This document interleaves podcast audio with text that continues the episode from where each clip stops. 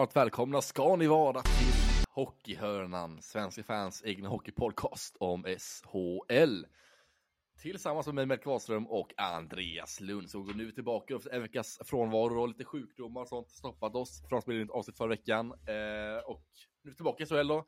Efter landslagsuppehållet så är vi tillbaka med lite matcher igen, kul och nu är vi i full fart inför december och dags för nästa uppehåll. Eh, så det är fullt race inför dit helt enkelt Andreas. Vad tycker du om veckan som har varit nu i SHL? Ja, verkligen. Oj, oj, oj vad det har eh, rullat på. Nu börjar det ju verkligen börja hända grejer. Det börjar hända grejer på spelarmarknaden. Vi börjar se mer tendenser. Eh, det, det, vi går in i en ganska så intensiv period här nu fram till, till jul också. Sen är det ju extra spännande också att se dels för landslagsuttagningen som kommer här nu till, till december. Men sen har vi också eh, ett JVM som stundar här nu om bara en månad bort ungefär. Så att det, det är ju jätteintressant att se vilka som kommer med där. Så att det är så många olika aspekter av SHL som liga som gör det ännu mer intressant för den här tiden på året.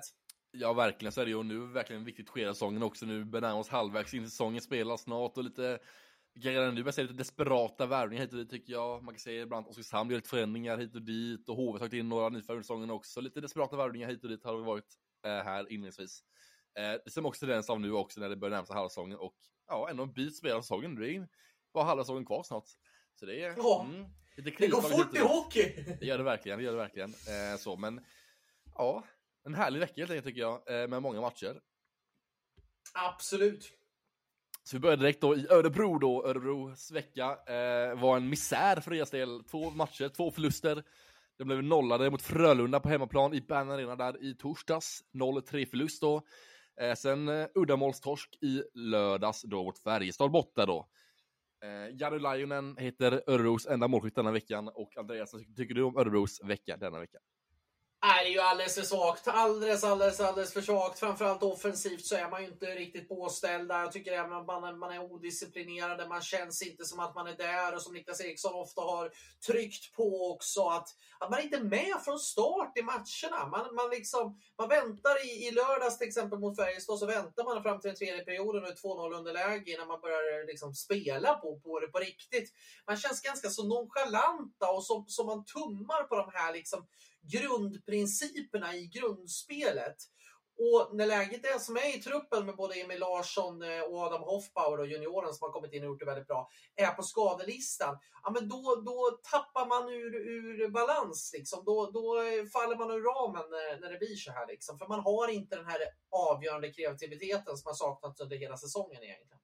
Ja, verkligen. Alltså, gör man bara ett mål på två matcher, då är det väldigt svårt att vinna hockeymatcher såklart. Eh, och eh, Ja, Örebro börjar sjunka lite i tabellen, börjar från första platsen till nu en sjätte plats i ganska haltande tabell lite hit och dit, men ja, Örebro måste ha verkligen börjat tappa tillstånd, tillstånd tycker jag, och Örebro måste verkligen börja steppa upp lite. Mycket på grund av skadorna såklart, så har man drabbats väldigt hårt av det än så länge. Eh, men eh, skador kommer och går under säsongens gång, gör det ju, och det får man räkna med helt enkelt, men eh, ja, en svag vecka av Örebro kan man minst sagt säga. Verkligen, och, och, det, som, det som har varit också, det var ju att Petrus Palm har ju faktiskt gjort comeback i, i laget ja, här nu det har inte funnits så mycket i eh, alternativ med de skadorna man har, man har haft. Då, liksom. Han har fått chansen. Och, ja, han, han stärkte väl inte i sina aktier jättebra, mot, framförallt inte mot Frölunda där han liksom först drog på sig en tvåa och så drog han på sig en ytterligare en tvåa och så drog han på en, eh, en eh, plus tia där för abuse of officials.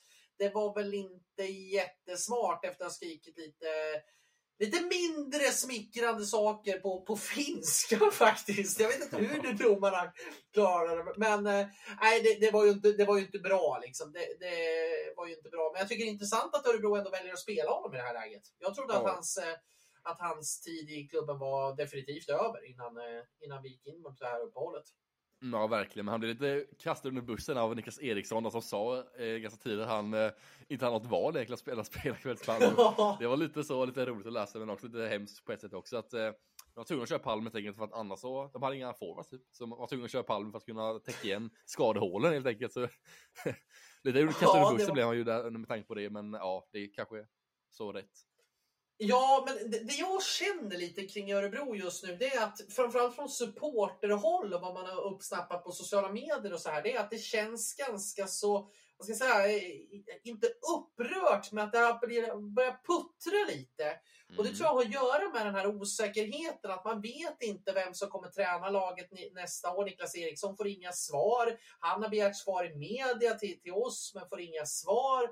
Man får inga svar från sportchefen Niklas Johansson som också sitter på utgående avtal. Han hänvisar i sig till Stefan Bengtzén som general manager som inte sitter på utgående avtal men, mm. men som ska på något sätt bestämma det här. Och, och Bengtzén säger ingenting utan avvaktar. Parallellt med det här så jobbar man med att för, försöka förstärka truppen med, med eh, minst en spetsforward. Men den jakten är ju som för alla klubbar är ju jättebegränsad. Liksom. Verkligen, och jag tycker det är det är väldigt många så här återupprepande kommunikationsproblem i Örebro sportsliga ledning kan jag säga. Alltså det är otroligt svagt måste jag ändå säga att man inte tar på sig större ansvar där och verkligen eh, har dialoger med både spelare och ledare under sagens gång. Både om framtiden men även om säsongen i helhet liksom. Det känns att många lag har sån strategi att de har liksom möten varje vecka. Eh, de diskuterar saker fritt liksom med varandra. Jag vet att Oskarshamn har ibland med Fröberg och Filander, de har liksom möten varje vecka där de pratar om saker och ting och, och får liksom eh, ja, rendera ut lite saker och vad som tycker och tänker om de behöver förstärka någonting eller alltså sådana saker liksom. Eh, jag känner att Örebro har, har inte riktigt den strukturen liksom när det gäller kommunikationen med spelare och ledare och det kan man sakna tycker jag på ett sätt. Eh, och det är något man måste ha med en sån professionell klubb tycker jag.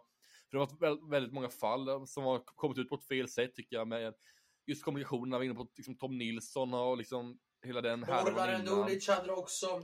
Dulic och det är många andra spelare sida som har klagat också på kommunikationen och det är nu Nix Eriksson som går ut i media liksom och eh, man är tydligare, tydligare från Örebro att man söker efter en ny tränarsäsong. Man har varit på och sagt Johan Lundskog ställt frågan till honom nästa säsong eh, och man vill, vill ändå ha en ny tränarsäsong, är tanken och indikationen från Stefan Bengtzén och den sportsliga ledningen i Örebro. Man har varit på också Karl Helmersson, jag minns jag av också Örebro som ny huvudtränare också fått till med här under veckans gång också. Så det finns många man är intresserad av och man har liksom ändå en lista som man går igenom. Eh, så tränarsäsong och sånt. Men det känns ändå lite dåligt där. Jag även som liksom har ju Christian Näker som back som utkontrakt också.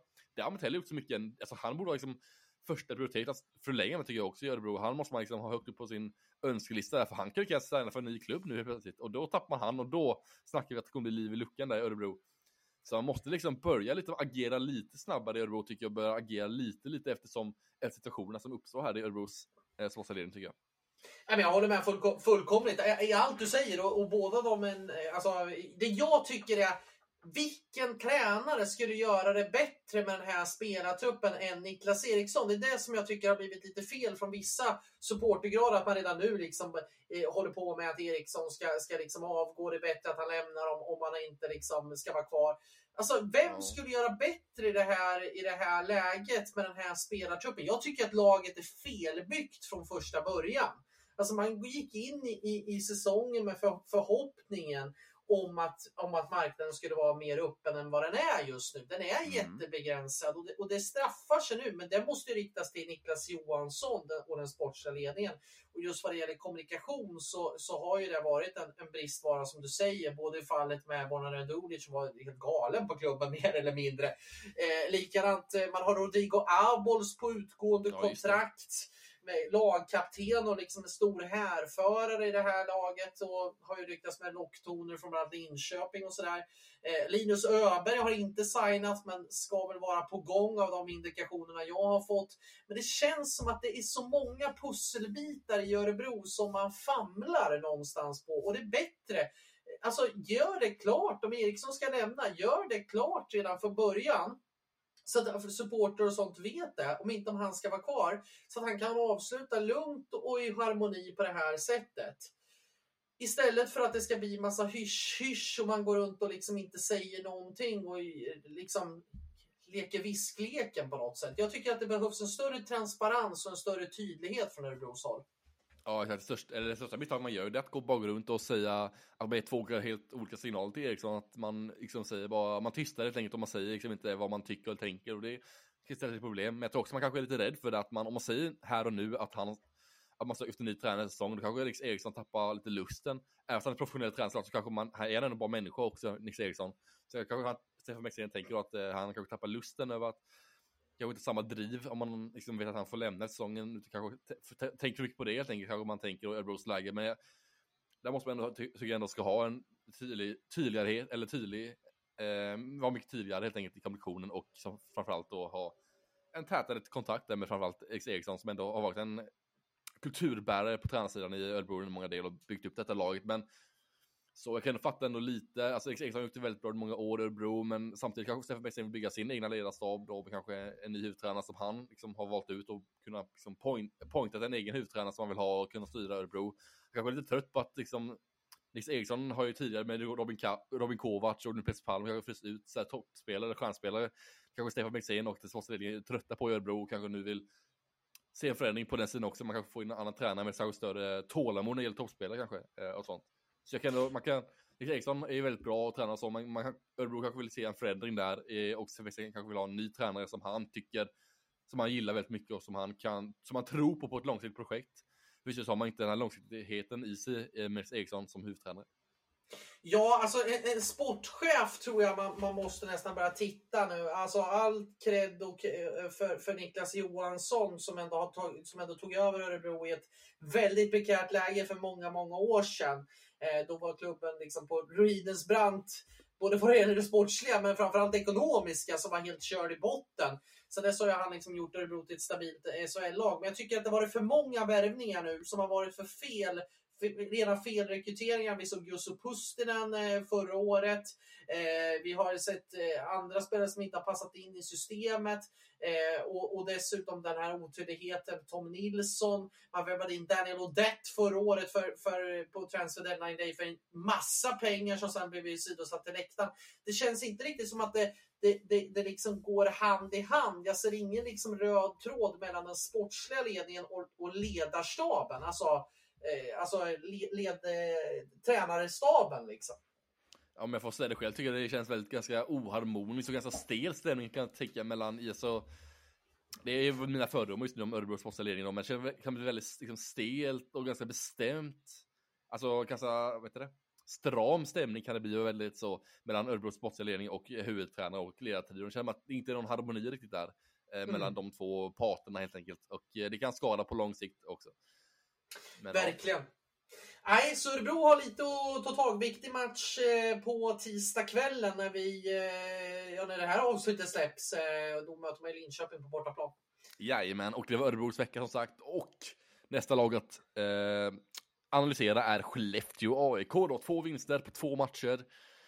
Man har sprutat in mål den veckan, Skellefteå gjort, och 10 mål på två matcher har man gjort, och 6-4 vinst i, i torsdags mot HV71. Sen vann man då i lördags mot Leksand med 4-1 då, och 10 gjorda mål på två matcher då. Skellefteå som är SHLs målgladaste lag då i stort.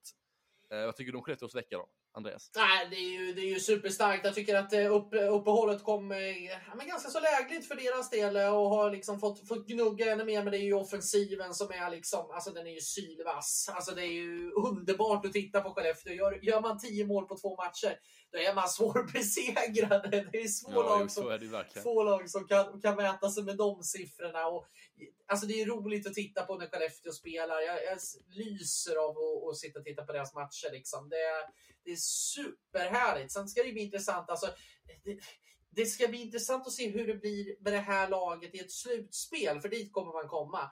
Men mm. vad som händer sen, jag tror att det är tuffare i ett slutspel där det blir väldigt tufft och tajt och jämnt. Och har man den defensiva styrkan, tror du, som gör att man kan stänga ner? För, för liksom, alla matcher i slutspelet kommer inte sluta 6-4. Man kommer inte kunna köra över lag med 5-1. Liksom. Jag, jag, tror inte det. Så det ska bli intressant att se hur man anammar den uppgiften. För det är ju liksom defensiven som är deras utmaning.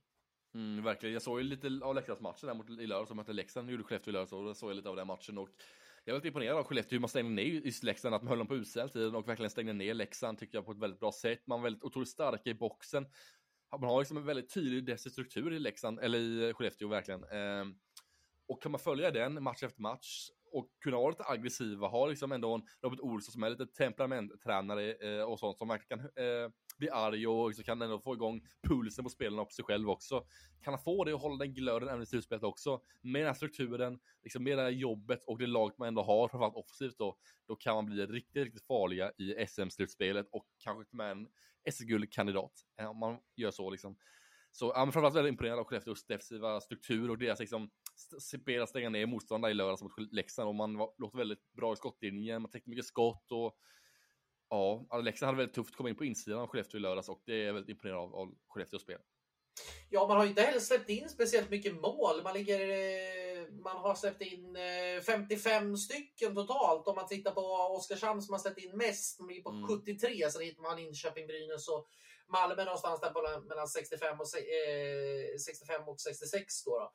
Så man är ju ändå, ja, men jag är imponerad. Så har man ju seriens bästa back i Jonathan Pudas. Det är ju inget snack liksom. Ja, förutom Lennström som är väl där uppe och nosar. Men alltså, Eh, det är, eh, jag är imponerad av, av Skellefteå att också att man tuggade igång där efter den där tunga trenden man hade för några, ett antal veckor sedan, fem, sex veckor sedan. Det var rejält.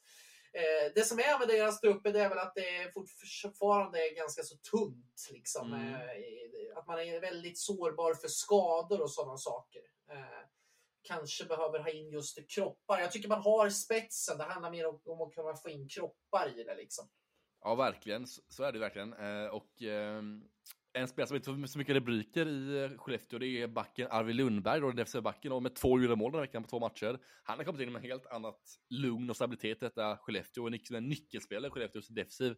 Han har gjort, otroligt bra än så länge i SHL tycker jag inledningsvis, och eh, den här veckan har han gjort fantastiskt bra också i Skellefteå där och ja, han kommer vara otroligt nyttig i sitt slutspel också, Arvid Lundberg. Han är rutinerad också, back och har spelat många slutspel och även vunnit guld också, så man har liksom ett ganska välbalanserat lag tycker jag när det kommer till liksom att vara potentiella slutspelsutmanare om SM-guldet och lite sånt.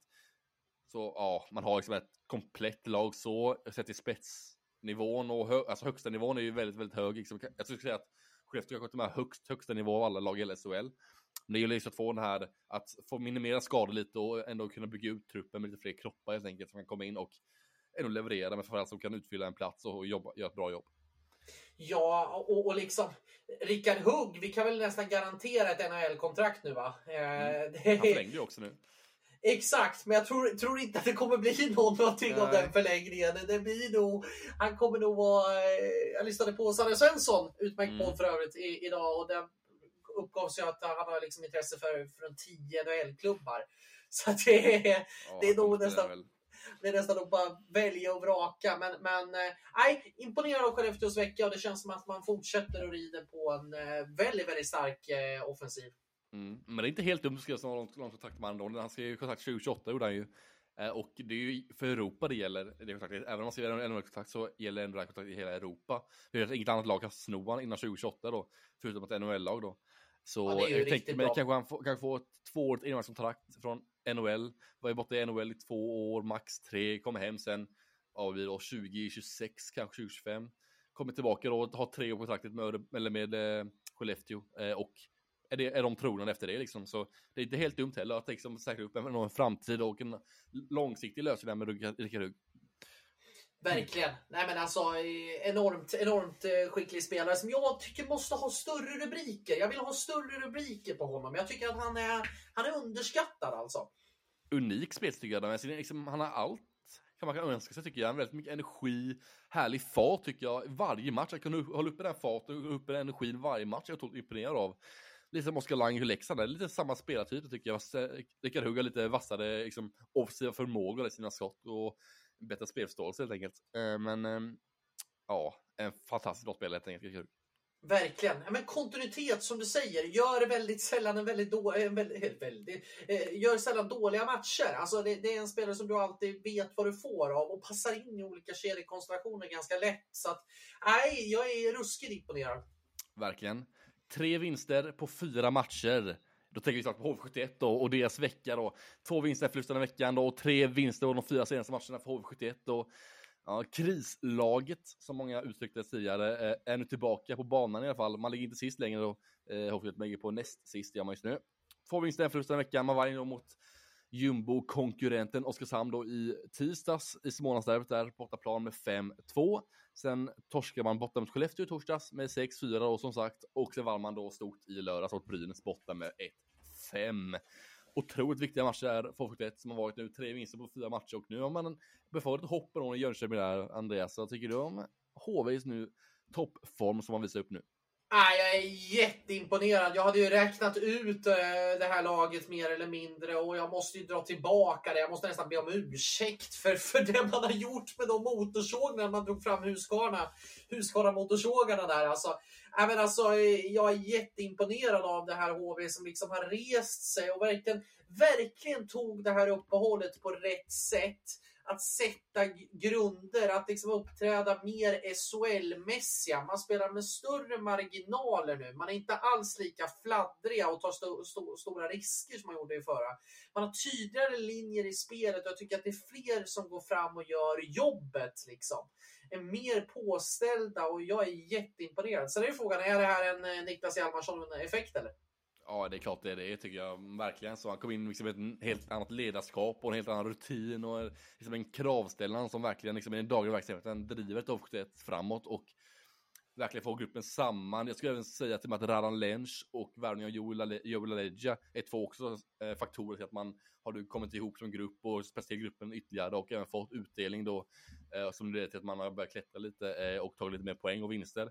Så framförallt de här under säsongen-värvningarna av nubben har slagit väl ut tycker jag med Lench LaLeggia och nu då Hjalmarsson. Så det är framförallt de tre tillsammans som har kommit in på ett otroligt imponerande sätt och verkligen acklimatiserat sig fort och det tycker jag och bidragit med en spetsnivå helt enkelt och bidragit med lite produktivitet och bra jobb och en högre kravställan.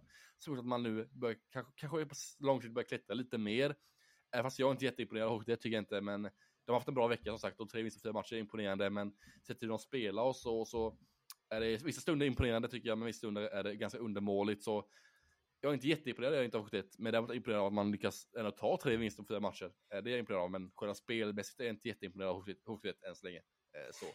Nej, för, för deras del är det ju fortfarande den här målsättningen att, att ja, klara sig undan kval. Alltså, det är ju det man måste. Det, man kan ju inte börja liksom eh, eh, börja drömma nu om ännu större. Det, det tror jag blir alldeles för tufft. Liksom. Eh, men, men, det jag gillar också, det är ju framförallt hur, hur, hur eh, ja, men en sån som Anemili som jag hade räknat ut, han gör ändå, har ändå gjort fyra poäng på fem matcher nu. Det känns som att det har, har blivit en liten wake-up call och Fredrik Forsberg mm. tycker jag fortsätter att, att eh, leverera.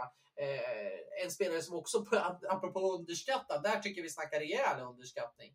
Sen, sen, ska det bli intressant att se, håller det här över tid nu? Har de bara studsat mm. upp nu? Eh, liksom, det gäller ju att hålla det här och få liksom fler vinster i rad. Men med matcher som man hittade sätt att förlora, man var ju liksom innovatörer på att hitta sätt att förlora för, för bara några veckor sedan. Där har man ju istället vänt nu och hittat sätt att vinna på och det tycker jag är en styrka. Framförallt att besegra sådana såna lag som är omkring det strecket. Nu är det ju väldigt, väldigt jämn SHL-tabell, men som är i placeringarna runt omkring.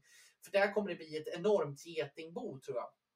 Ja, verkligen så blir det. Det kommer stå liksom mellan Malmö och Oskarshamn, sen kanske då Linköping då, och kanske att Brynäs halkar ner på en sån plats också, men det kommer bli ett race in i det sista, liksom. det är otroligt jämnt kommer det vara under hela säsongen också och så, och vi får se om Hovet lyckas hålla det här över lång tid helt enkelt, det får vi se helt enkelt, men eh, man måste ändå upp lite sitt spel tycker jag, man måste liksom kunna skruva ännu mer på vissa detaljer, varva in kanske någon liksom, lite mer spets, att kunna liksom klara av att spela på en högre nivå än vad man visste tidigare.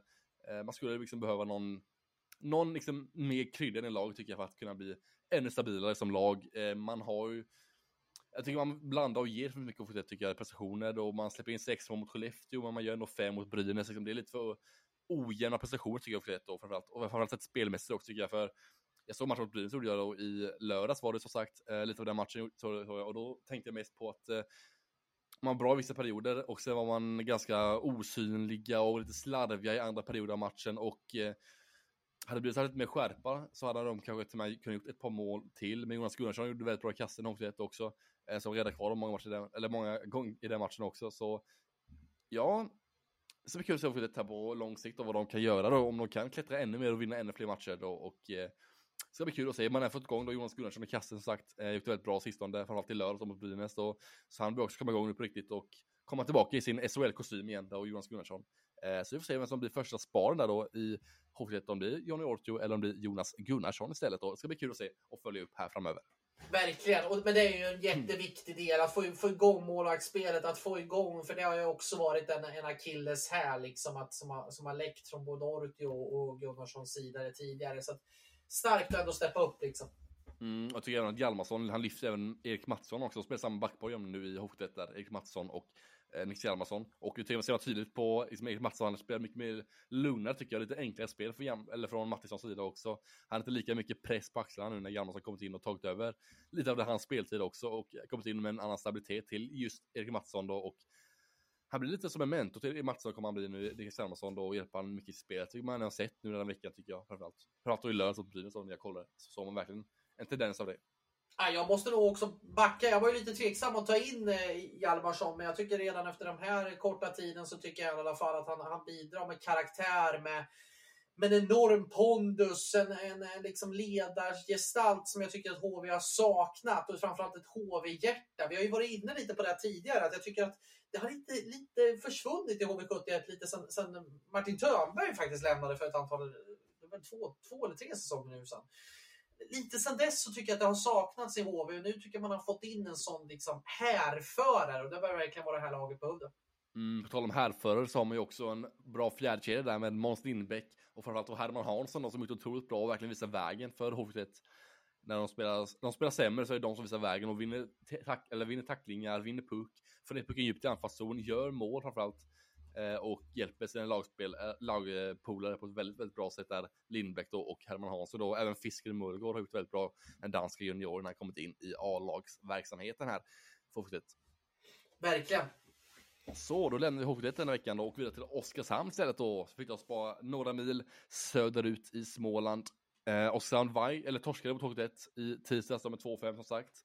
Man vann Smålandsderbyt i torsdags då, alltså två Smålandsderbyt på två dagar. Det är det där denna veckan då. Man var mot Växjö Lakers då i torsdags som sagt om 3-5 på bortaplan.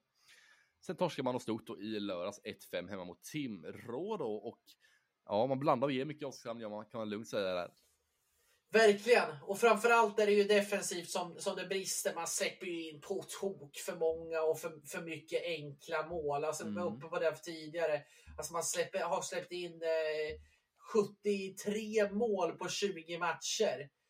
Det är lite oroväckande nu faktiskt. Att man inte får till den här eh, defensiven. Liksom. Man, man, man släpper också till mest skott mot eget mål också om man ska dra lite statistiska siffror på mm. det och, och, har en ganska så låg räddningsprocent också. Man är, man är, eh, man är nere på 88,59. Det är bara Rögle och Brynäs som har sämre sammanlagd räddningsprocent. Så defensivt och mål bakåt. Mm, det börjar eh, det börjar lysa lite prekära lampor där tycker jag.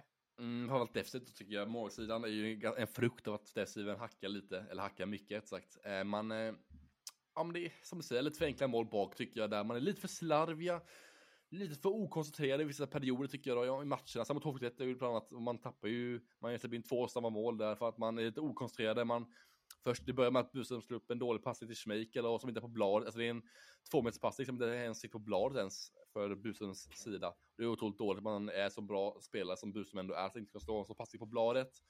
Sen gör att man sätter sig Schmeichel i en skitsits och så blir det en kontring mot istället och sen gör Håkan ett mål på det. Så det är sådana små detaljer som att man helt enkelt tappar och ligger helt enkelt steget efter motståndarna i varje steg helt enkelt då. Eh, så det måste man helt enkelt upp då. Man måste spela distinktade passningar, noggrannare passningar, komma in liksom, i ingångarna på ett mer kontrollerat sätt och inte bara slänga iväg pucken som har gjort tidigare och försöka hoppas på det bästa.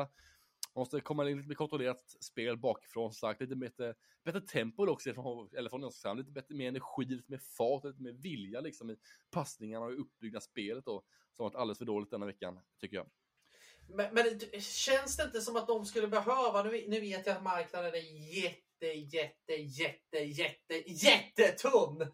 Mm. Men skulle inte de behöva, skulle inte Oskarshamn behöva en defensiv försvarsgeneral? Alltså jag tänker en jag tänker en Rasmus Rissanen, alltså mm. den typen av spelartyp som bara kan gå in och stänga ner allt. Jag, jag ser inte riktigt att det, det, finns på samma sätt liksom, av den kvaliteten. Liksom. Nej, jag ska säga också Rasmus Bengtsson kom in nu från Hogsett också nu. Den här, han ansluter nu på, direkt nu idag måndag spelar han träning också med IK Oskarshamn tror jag. Så ja, han kommer in nu till Oskarshamn från Hogsett och han blir inhyr som valt att kalla det. Från Hogsett då för av säsongen. Låter som han är en, låter som han är en truck. ja exakt, jag tänkte på det. Vad är skillnaden mellan inhyrd och inlånad? Tänkte jag, men jag har inte kommit fram till något vettigt tanke riktigt vad som är skillnaden mellan inhyrd och inlånad.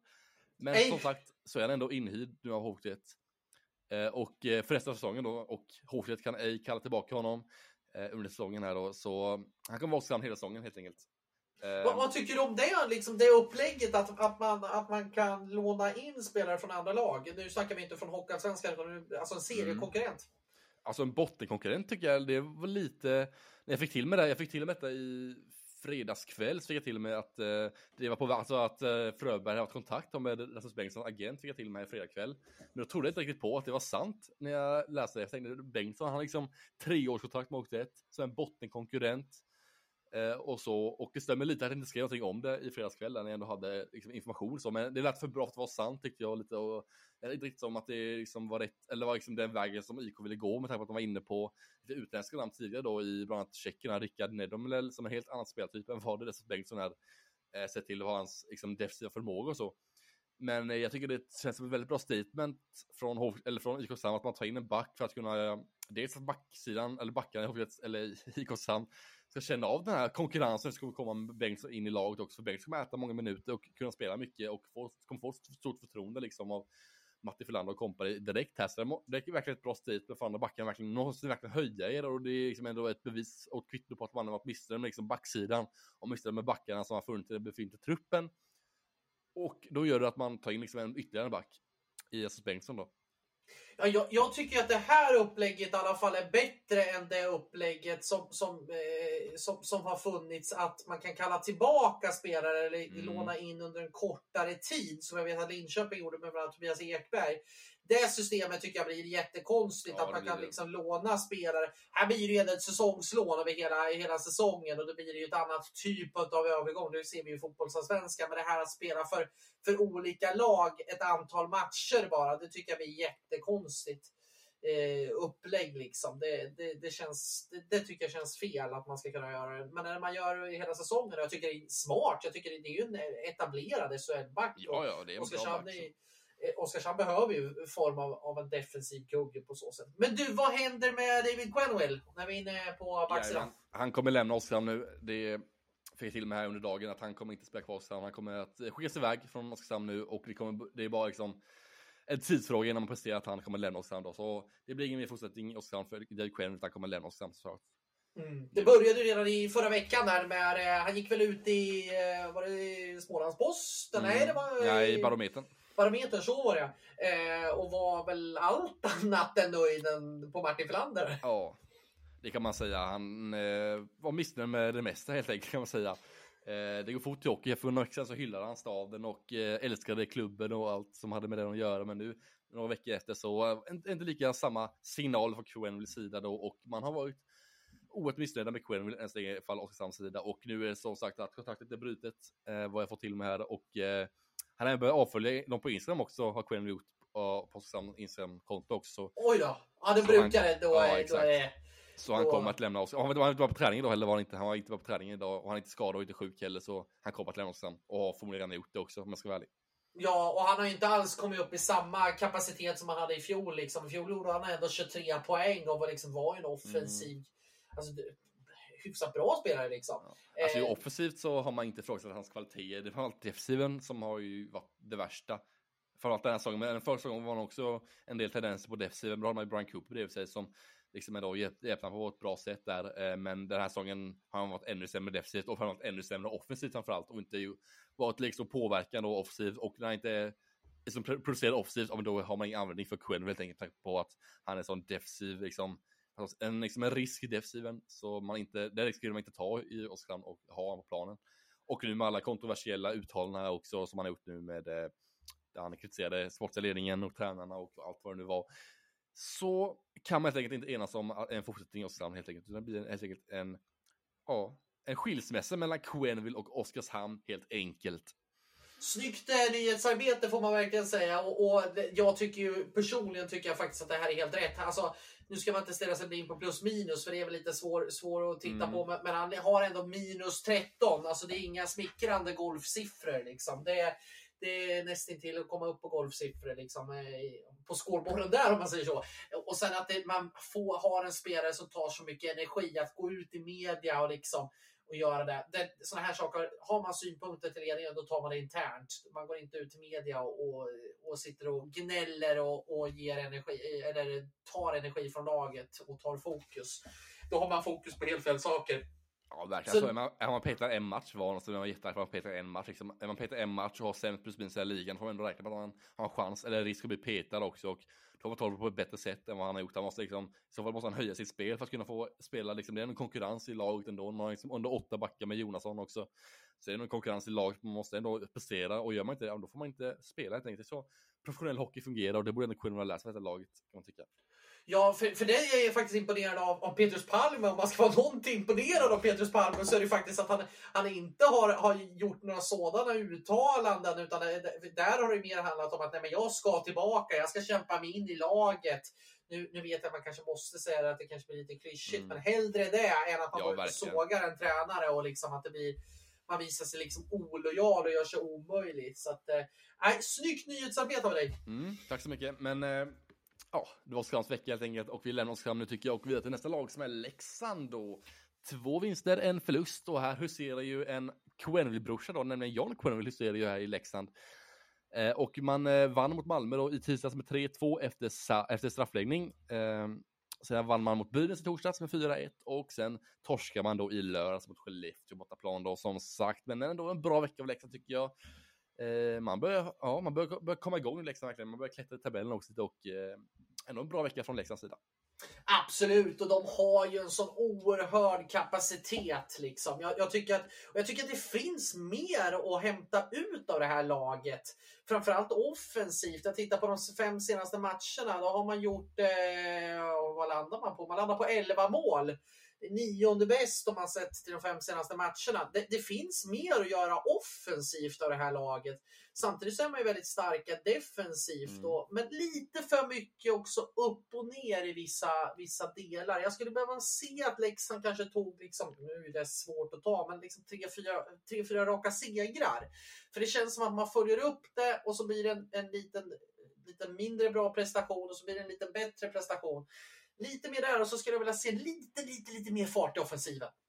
Ja, verkligen. Man har ju ändå ett material som kan göra att man liksom kan få lite mer fart i offensiven, få lite bättre powerplay, få lite bättre spel rätt offensivt. Men där har man inte riktigt kommit upp i den nivån som ändå besitter tycker jag Leksand än så länge och eh, ja, så det var intressant att följa upp Leksand. Jag såg ju lite matchen mot Skellefteå i lördags och jag tycker att man eh, Skellefteå var helt enkelt bättre lag den matchen. Man stängde, de stängde ner Leksand på ett bra sätt, men Leksand hittade inte riktigt rätt väg och för att kunna såra Skellefteå på ett bra sätt. Tycker där man hittade lite för svårt spel emellanåt från Leksands sida i matchen tycker jag. Man hade ganska dåligt tempo i passningsspelet överlag i den matchen tycker jag. Framförallt var offensivt, man kom upp i, liksom, i anfallszon, man kom upp i liksom, bra ingångarna var man, man kom in i zon på ett bra sätt, man la ner pucken djupt. Men sen när man väl kom in i zonen, då hände inte så jättemycket, gjorde inte Leksand. Då var det ganska stillastående, dåligt passningsspel med ett lågt tempo, lite för få skott på mål också som man kunde skjutit ännu mer tycker jag. Man kunde tagit ännu mer initiativ också där offensivt. Och det jag saknat av Leksand just nu, där initiativtagandet av offensiva spelare och offensiva spetsspelare har saknat lite av Leksand tycker jag. Och både i powerplay men även i spel 5 mot 5. Där måste man liksom upp i några nivåer också, vara lite mer noggranna, vara lite kreativa, vara lite mer fantasifulla i Leksand och tänka lite för boxen också. När det gäller liksom de offensiva kreatörerna. Verkligen. Jag tycker också man kan ta lite mer. Jag skulle vilja se lite, lite, lite mer av en sån som Mikael Råhammar. Han har gjort 12 poäng ändå på, på 20 matcher. Men jag tycker det finns lite mer där att ta. Jag tycker att det finns mer och mer att ta av, av Lukas Elvenäs som bara har gjort eh, två poäng på nio matcher. Lite så, så att, nej, det, det, det känns som att det... Eh, jag vet inte riktigt vad man ska säga. Det, det, jag skulle vilja se mer av, av Leksand. Jag tycker ändå det finns en defensiv stomme och ett grundspel att stå på. Och det, det, här kan ju göra liksom Leksand livsfarliga sen när vi kommer längre fram i serien och framåt ett slutspel. För spelarmaterialet har man ju. Men det är att man får ut kanske 80-85 procent av, av det här. Liksom.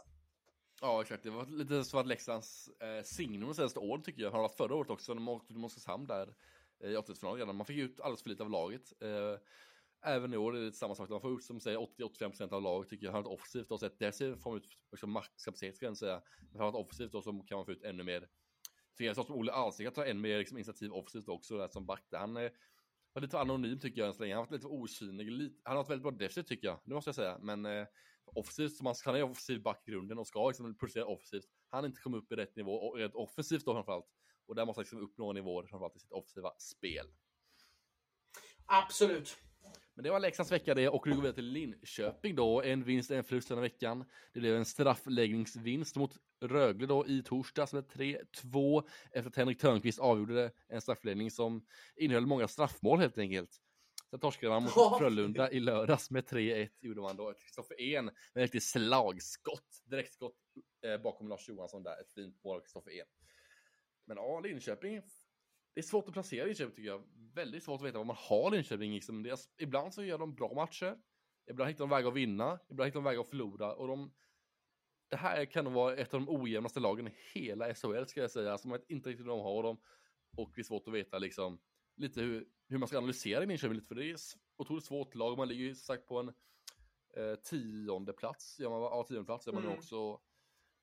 Men det finns, ja, det är svårt med Linköping tycker jag. Det är svårt att veta liksom vad man har dem och eh, de gör alldeles för ojämna prestationer och kan prestera bättre tycker jag.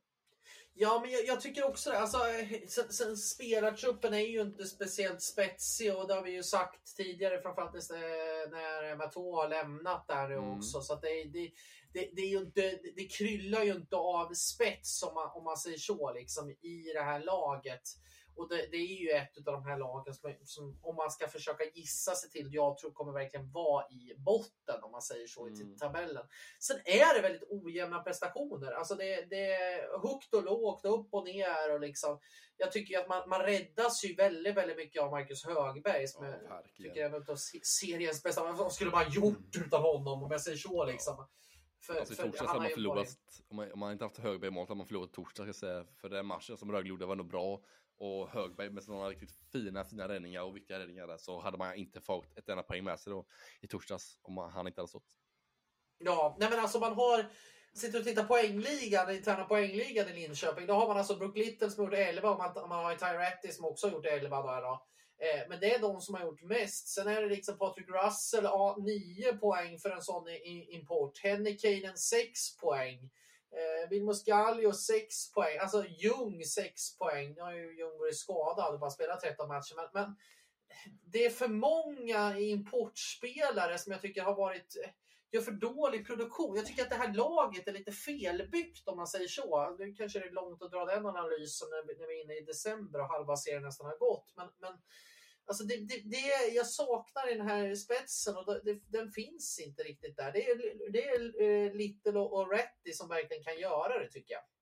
Mm, ja, det är som du säger, Little och lite det är mycket som kretsar kring dem är det och eh, de som driver den här offensiven helt enkelt tycker jag. Det är många spel, forwards alltså som inte har levererat upp i liksom en det finns ingen spel som har liksom överträffat förväntningarna i Linköping så är det ju. Det är alltid något lag, det är alltid någon som överträffar förväntningarna, är det ju alltid. Till exempel Emil Larsson i Örebro bland annat och lite sånt. Men, men just i, Linköpings äh, ja, lag så är det ingen som överpresterar. Och det kan få problem på långsiktigt, liksom att det inte är någon som överpresterar och ingen det är många spelare som inte presterar på rätt nivå heller, som de är liksom värvade för att göra heller. Så det är väldigt problematiskt att man har många som underpresterar, få som presterar på rätt nivå och även för många spelare som inte ens överpresterar. Som man kanske hade behövt. Ja, och det, det som är också, man, jag satt och kollade också på lite intressant statistik. Man tar alltså mest skott på de senaste fem matcherna. Man har skjutit 154 skott. Mm. Men det ju bara, men det är 15 mål som, som man gör framåt liksom. Eh, på de här matcherna. Det är inte en jättedålig effektivitet, men det är ju också defensivt som det fortsatt eh, läcker lite där och det hade läckt ännu, ännu mer om, om inte Högberg hade stått som vi sa tidigare liksom. Man släpper ju till flest skott också på eget mål, så att det, det Ja, det, det är lite för mycket upp och ner och jag skulle vilja behöva se någon, någon form av spetsförstärkning i det här laget. Mm, verkligen, men man mötte ju Rögle då i, to i torsdags och Rögle då är nästa lag ut att analysera och gå igenom här då. En vinst, en förlust den här veckan för Rögles sida, även för dem då. Man torskade ju mot Linköping just då i torsdags efter en lång straffläggning där. Sedan så vann man mot Luleå då i lördags efter en stabil insats där av Rögles del, framförallt av Kalle Klang då, som gjorde bra i målet i den matchen och höll undan för Luleås offensiv. Men vad tycker du om eh, Rögles eh, vecka då, framförallt, eh, och framförallt lördagens match? Nej, vi satt lite och, och sa att, eh, att eh, det summerar lite det, säsong. Vad gjorde vi på Leksand tidigare? Det, det här får väl summera eh, Ruggles lite. Alltså, den segern man tar i lördags mot eh, Luleå, den var nog, alltså, den var blytung om man säger så. det det. För alltså tabellmässigt och spelmässigt så ser det inte bra ut. Det får man vara ärlig och säga. Alltså det är Ruggle tycker jag har varit under de här första omgångarna, första delen av säsongen så tycker jag att det här har varit absolut den största floppen ja, i hela tabellen. Alltså sådana förväntningar som man hade på det här laget. Men eh, segern senast kanske ingav lite mer mod och hopp i, i laget. Sen tycker jag att det är felbyggt som jag varit inne på tidigare. Det är för många unga spelare. Det är för få härförare och för få spelare som kan fälla avgörande roller tycker jag. Mm, exakt, jag håller helt med. Man har kanske någon center för lite tycker jag och kanske någon ledare för lite också laget. Så mm. jag tycker det, men man fick ju, ja, en del spelare, det blir ju Sjögren la ju av där och det Brithén skadad så det är två centra där. Sen Olofsson eh, flög över till NHL och spelade där så det var också en center som gick bort där. Så man har tappat centra men inte riktigt ersatt dem ordentligt tycker jag inte och då där måste man liksom få in ett par centra tycker jag, en eller två centra framförallt som kan liksom lyfta det laget och verkligen komma in på en bra på ett bra sätt och på att hålla en bra nivå i Rögle där. Vad tycker du om Lukas Klok då han, och hans intåg i Rögle och tycker du att han har gett något avtryck i Rögle? Vad tycker du om hans insats än så länge i Rögle? Ja, men inte något jättestörre avtryck, det kan jag väl inte tycka. Jag tycker kanske att det har blivit lite mer stabilt i defensiven. Man, man var ganska så bra liksom mot, mot Luleå där. Man släppte bara till 21 skott totalt, varav Klang räddade 20. Så man har ju mm. fått till försvarsspelet på lite bättre sätt och det, det, syns ju att han har potential, definitivt. Nu är det ju bara tre matcher och han, han är ändå två plus i, i statistiken. Så att, ja, ändå en, en hyfsad, även om han inte har satt något större avtryck, det måste jag säga. Mm. Nej, inte än, men som du säger, han har potential att liksom bli en riktigt bra back tycker jag. Och eh, han kan nog göra ett stort avtryck, ett stort avtryck där i Ängelholm tror jag eh, framförallt. Eh, man ser ju på att han är väldigt spelskicklig back som sagt och hanterar pucken på ett väldigt bra sätt och väldigt lugn och trygg i situationer och sånt. Och även bra defensivt också. Eh, så en bra värvning som sagt och kan bli en bra spelare på sikt också här i undersäsongens gång och bli väldigt viktig för dem. På tal om en viktig spelare i Rögle så är det ju Riley Sheen som är väldigt viktig för dem. Kommer tillbaka efter skadan på ett bra sätt och gjorde mål i lördags mot Luleå bland annat och eh, var en faktor till att man vann den matchen också mot Luleå. Det kom in med riktigt bra speed, riktigt bra fart och mycket energi och en härligt målsinne också som sagt. Han kommer också bli otroligt viktig för Rögles offensiv och deras produktivitet. Verkligen. Nej men alltså, eh, han, är ju, han är ju enormt viktig. Vi såg det här under säsongsinledningen. Liksom uh, hur, hur, hur liksom han, den potentialen som han hade i, i offensiven och, och, på det sättet som, som han gick in i SHL med. Liksom. Jag var jätteimponerad av hans säsongstart. Sen blev han ju skadad och, och det har varit en tuffare start där liksom. Men det känns ju som en spelare som är, nej, det, det är viktigt för, för Rögle att få tillbaka en sån, en sån spelare. Eh, sen gjorde, har ju Tambellini kommit igång och fortsätter producera, gjorde mål också väl i eh, lördags där och är ju också en sån spetsspelare som är enormt, enormt viktig liksom. Så att eh, det är lite kul faktiskt. Riley Sheen ligger liksom tia i, i den interna poängligan och han bara spelat nio matcher. Det är, det, ja, det är, rätt, det är rätt bra faktiskt. Måste man ändå säga. Eh, och sen har man ju... Också är det rätt, äh, vet du, ett tydlighet också att man det är liksom offensivt man faller på lite i Rögle att det är, det är ganska illa om en sån spelare ligger på tionde plats liksom efter få matcher. Liksom, man spelar nio matcher som sagt. Det var Exakt. Tidigare liksom, i interna poängligan. Lite, som säga, det är lite som formar liksom, deras inledning av den säsongen än så länge Rögle där man har liksom, en sån spelare på tionde plats. Där man har liksom sånt bra lag på pappret och ska kunna leverera offensivt så gör man inte det ändå. Det är lite signifikativt för eh, deras inledning helt enkelt.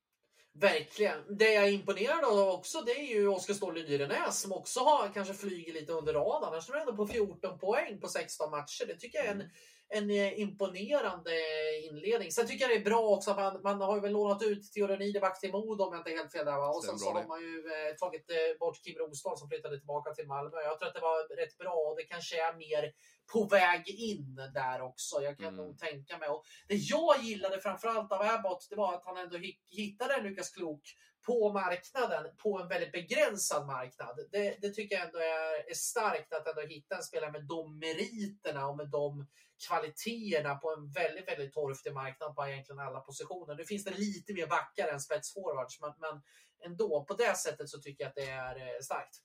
Exakt, Chris Abbott ska åka till Nordamerika också och scouta på plats där. Eh, det ska även många andra sportchefer göra också, Fröberg bland annat och sånt. Så de kommer åka till Nordamerika då och se lite matcher där och scouta och sånt helt enkelt. Exakt, de ska ju, hela SHLs ledning är väl, Ja. undrar om det är den här veckan eller om det är nästa vecka som de ska vara i Los Angeles. Eh, för ett antal, ska sola sig i Ja, gränsen. Nej, inte de paraplydrinkar. Exakt.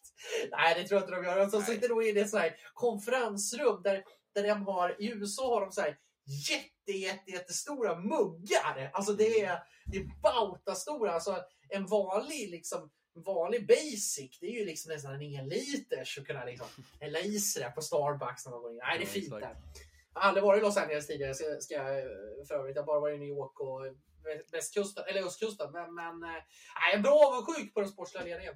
Mm, så blir det att se vad de får fram där i, från Nordamerika. Det kan komma lite fler nyförvärv här efter deras scoutingresor och när det börjar närma sig liksom årsskiftet här och det kanske börjar lossna lite på marknaden också och komma ut lite fler spelare på den befintliga spelarmarknaden då. Men Kim Rosdahl lämnade ju eh, Rögle för spel i Malmö och Malmö har denna veckan en vinst och två förluster denna veckan. Sadden, eller strafftorsk mot Leksand i tisdags.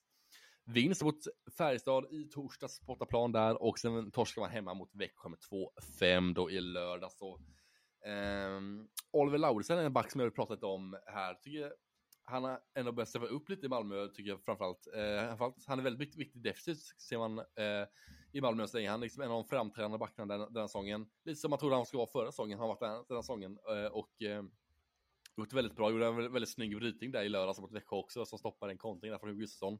En väldigt viktig brytning där av eh, Oliver Lauritsen och annat. Och gjorde, även- fick även göra ett mål i lördags också. Så han börjar bli liksom den här backgeneralen som man pratade om Oliver Lauritsen när han kom till Malmö. Nu börjar han bli den här liksom bra backen i Malmö tycker jag. Men vet du vad Malmö behöver göra? Vet du vad Malmö behöver göra? Ja, det finns mycket de behöver göra tycker jag. Ja, det, finns- det finns väldigt mycket de behöver göra. Men jag vet inte en specifik sak de behöver göra. Det är Johan Lundskog. Nej, ja möjligtvis kanske. Men det här är liksom en basic grej de behöver göra. Ja. De behöver sova på hotell innan eh, hemmamatcherna. Ja just det, de har borta, nio raka Ja. bortaförluster va? De, de, ska, de, de, ska, de ska sova hotell på, på hemmamatcherna. Sen ska de åka buss till hemmamatcherna Ja, från exakt. hotellet. De ska inte åka ut i den här höken. Eh, det ska de absolut inte göra. Det, det ska de inte göra. Spiken i Malmö Arena.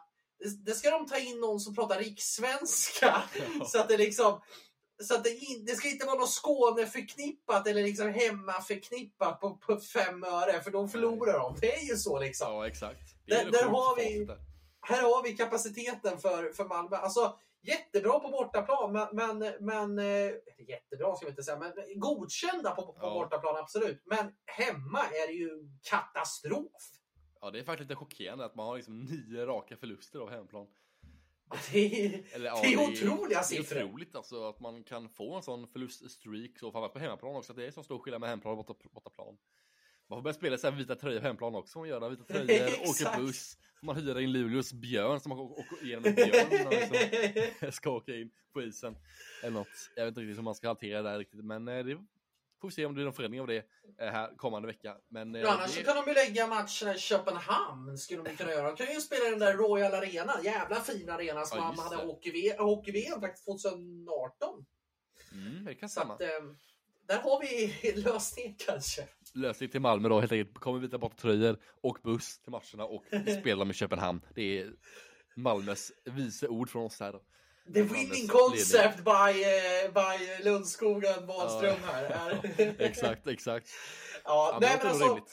Malmö vill jag också säga en sak. Jag tycker att eh, det, det jag skulle faktiskt vilja se i Malmö just nu. Jag skulle vilja se eh, ett skifte på kapten. Mm, Jag, vill, ja. jag tycker att Carl Söderberg inte är den pådrivaren.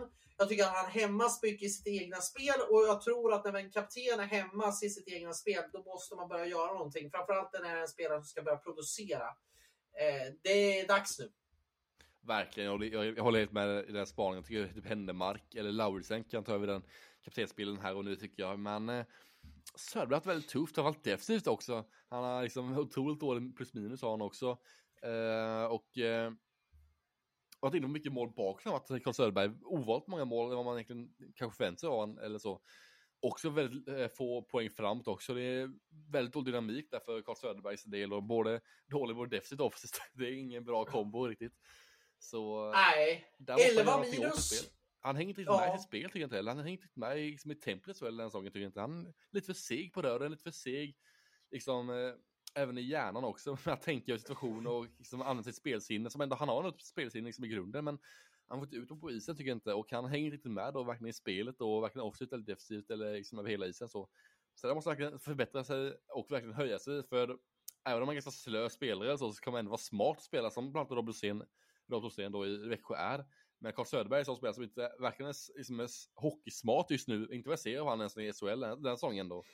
Så det är lite synd för hans del ja, alltså det här är, Alltså vi måste kunna ställa högre krav på en sån spelare. Alltså, det här är en spelare som, som, som gjorde, han gjorde 49 poäng säsongen 2018-19 i Colorado eh, och liksom gjorde 41 poäng i, fjol där han gjorde 22, eh, 22 mål och 19 assist.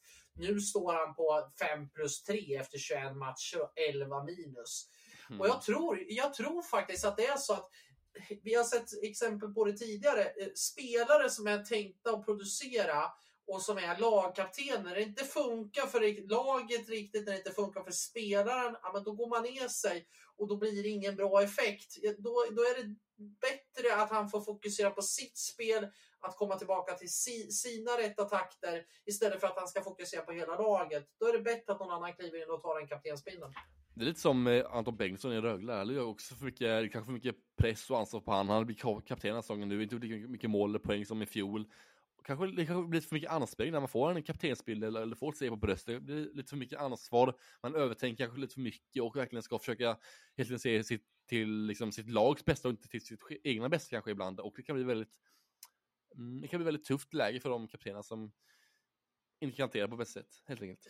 Ja, vi såg det på Kristoffer Mastomäki för vad är det, två år sedan tror jag. Eh, när eh, han fick lämna över kaptensbindeln mitten under säsongen till Stefan Varg när spelet inte riktigt funkade för hans del.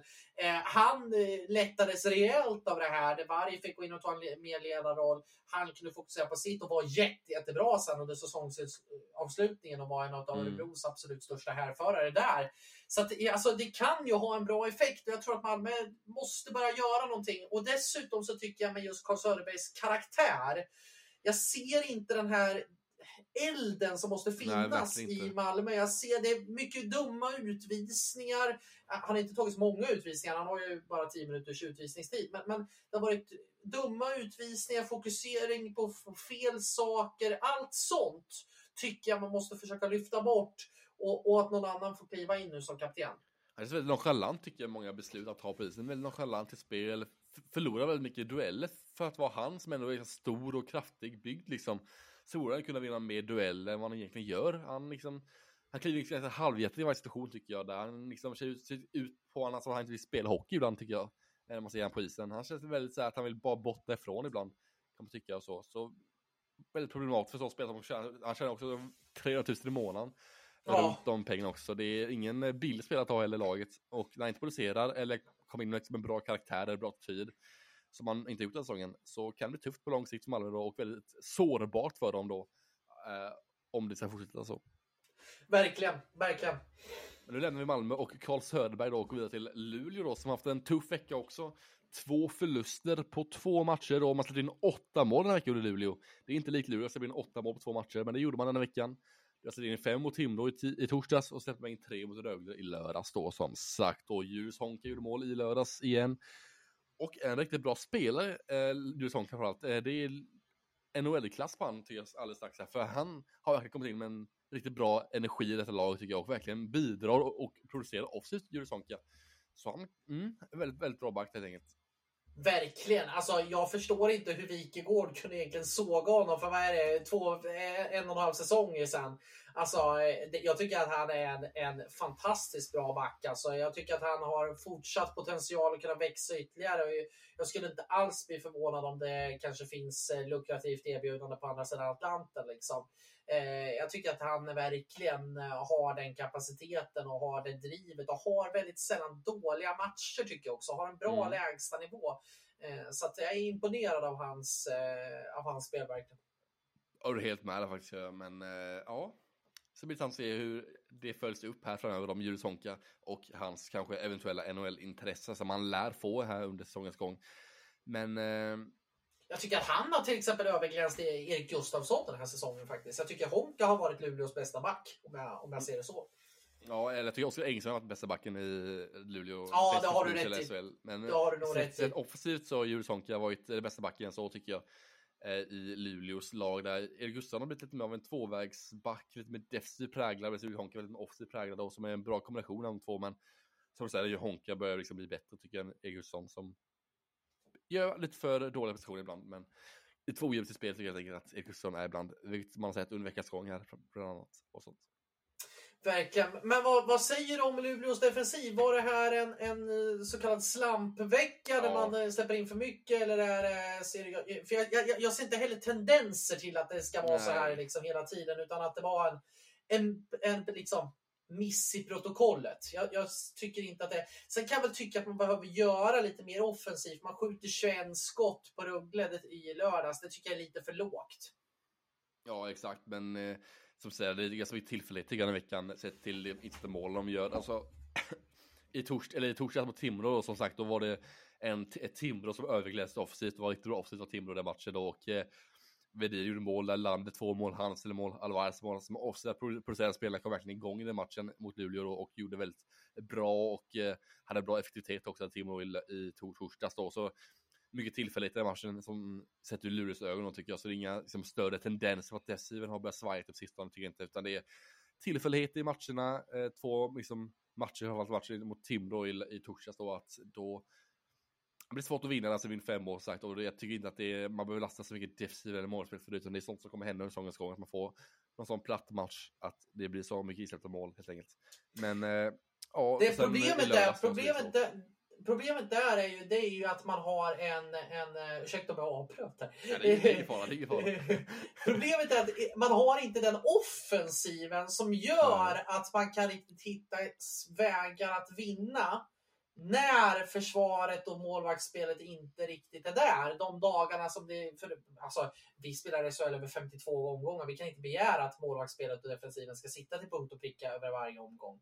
Eh, men det jag är lite orolig för det är att man inte har de här avgörande spetsen riktigt när, när, eh, det är, alltså, när man har såna här dagar. Sen tar man ju i, lördag, i lördagens match mot Rögle, då tar man ju alldeles för mycket utvisningar. Man har ju 24 utvisningsminuter totalt. Ja, det är alldeles för dåligt klart. Men det är som du säger, den här kompensationsfaktorn då, när man har kanske en lite sämre defensiv match så måste man ändå ha en offensiv som kan kompensera upp det där.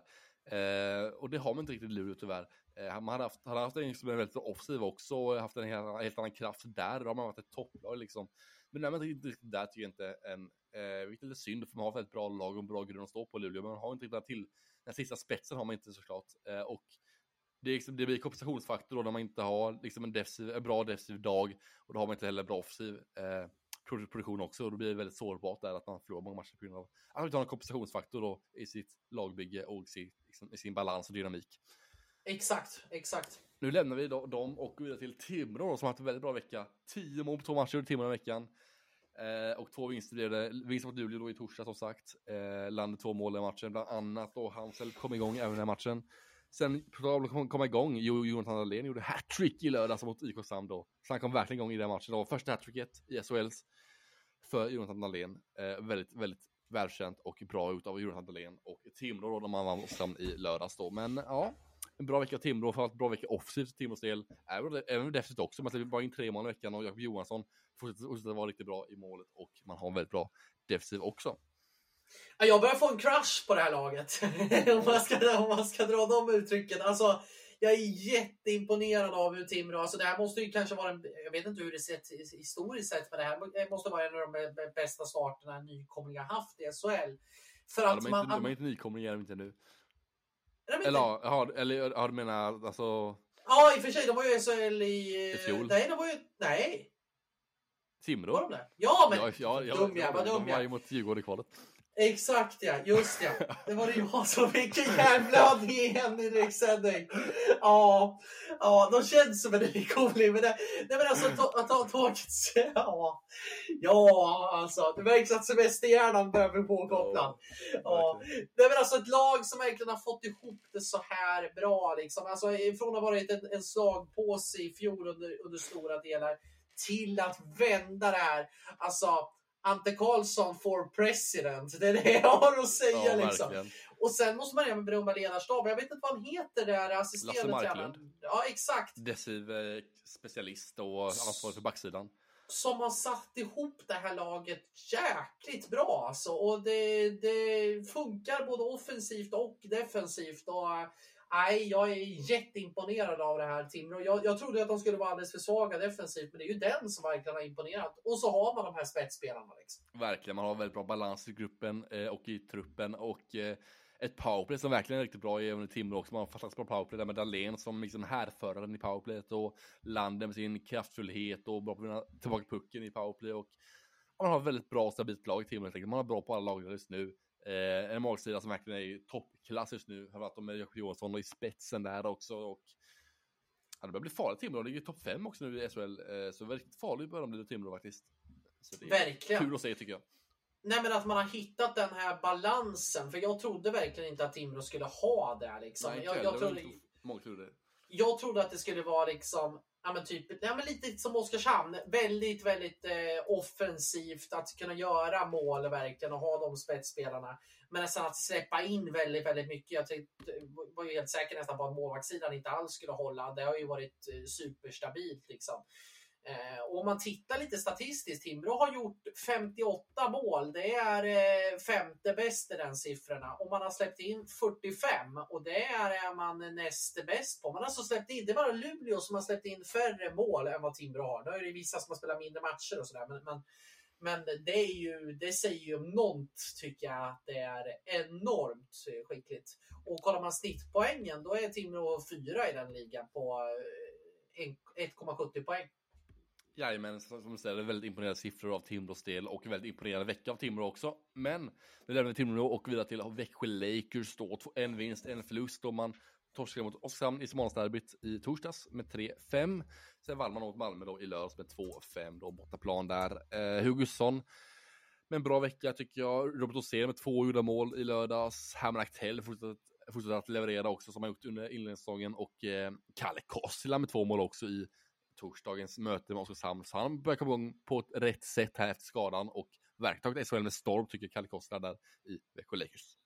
Ja men verkligen, alltså vilken spelare det här är. Vilken som han har träffat rätt liksom. Det fanns ju en del frågetecken hur han skulle komma tillbaka till efter skadan och en ganska allvarlig skada också och liksom acklimatisera till, till SHL. Alltså, han är ju stekhet liksom. Det är ju, han är ju hetare än en eh, grillad ugnslasang liksom. Det, det, det, apropå den liknelsen. Grillad alltså- nytt. Ja men det är sådär, vad heter de de här?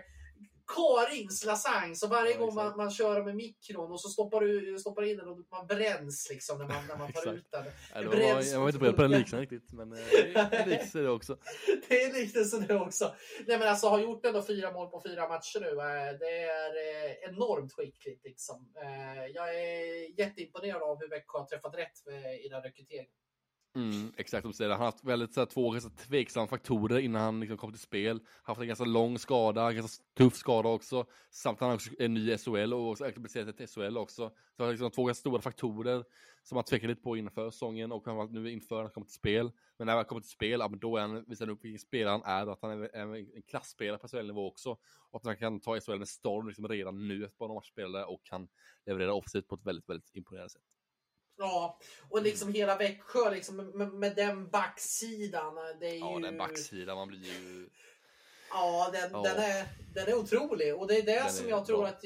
Ja, och det jag tycker nu när man verkligen ser att Växjö har... Jag tycker att det finns så tydliga roller i hela det här laget. Det finns spetsspelare som kan, kan utmana. Och nu i och med att Kossila har kommit in så bra här nu också så har man mer spets liksom, än vad man hade från start.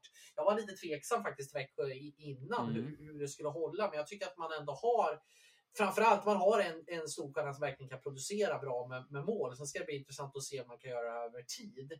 Eh, Men det finns potential. Men man har en, en grund att lägga, luta sig tillbaka. Målvaktssidan har varit stabil, backsidan är otrolig och det här gör att Växjö kommer vara hyperfarliga. Alltså den här farten och det uppbyggnadsspel som Växjö har liksom i sitt uppbyggnadsspel med bra tempo, bra kvalitet och liksom det är bäst i SHL skulle jag säga, där med deras uppbyggnadsspel från backsidan, att man bygger upp sig, kommer in ingångarna på ett bra sätt. Och liksom, det är mycket fart alltid, det är distinkta passningar, liksom, det är snabba uppspel och det är, ja, det är nog bäst i SHL, liksom, sett hur man bygger upp sitt spel bakifrån och liksom, tar sig framåt i ingångarna och får det puckarna djupt i Amazon. Det är, ska jag säga, bäst i SHL.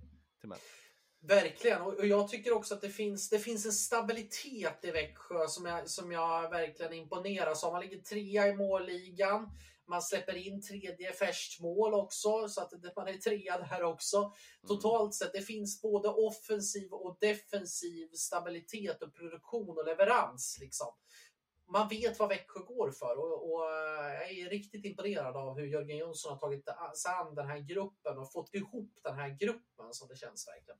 Mm. På tal om att få ihop grupper så brukar den finske gode tränaren Mikko Manov vara på just det att få ihop gruppen. Och Brynäs då, två matcher, två förluster den här veckan har man, man torskade mot Leksand i torsdags med 4-1 på bortaplan och man torskade hemma mot HV71 med 1-5 i lördags då. Och eh, Brynäs de väldigt tuff vecka, de nio mål insläppta, ett eller två gjorda mål framåt och det är alldeles för dåligt såklart.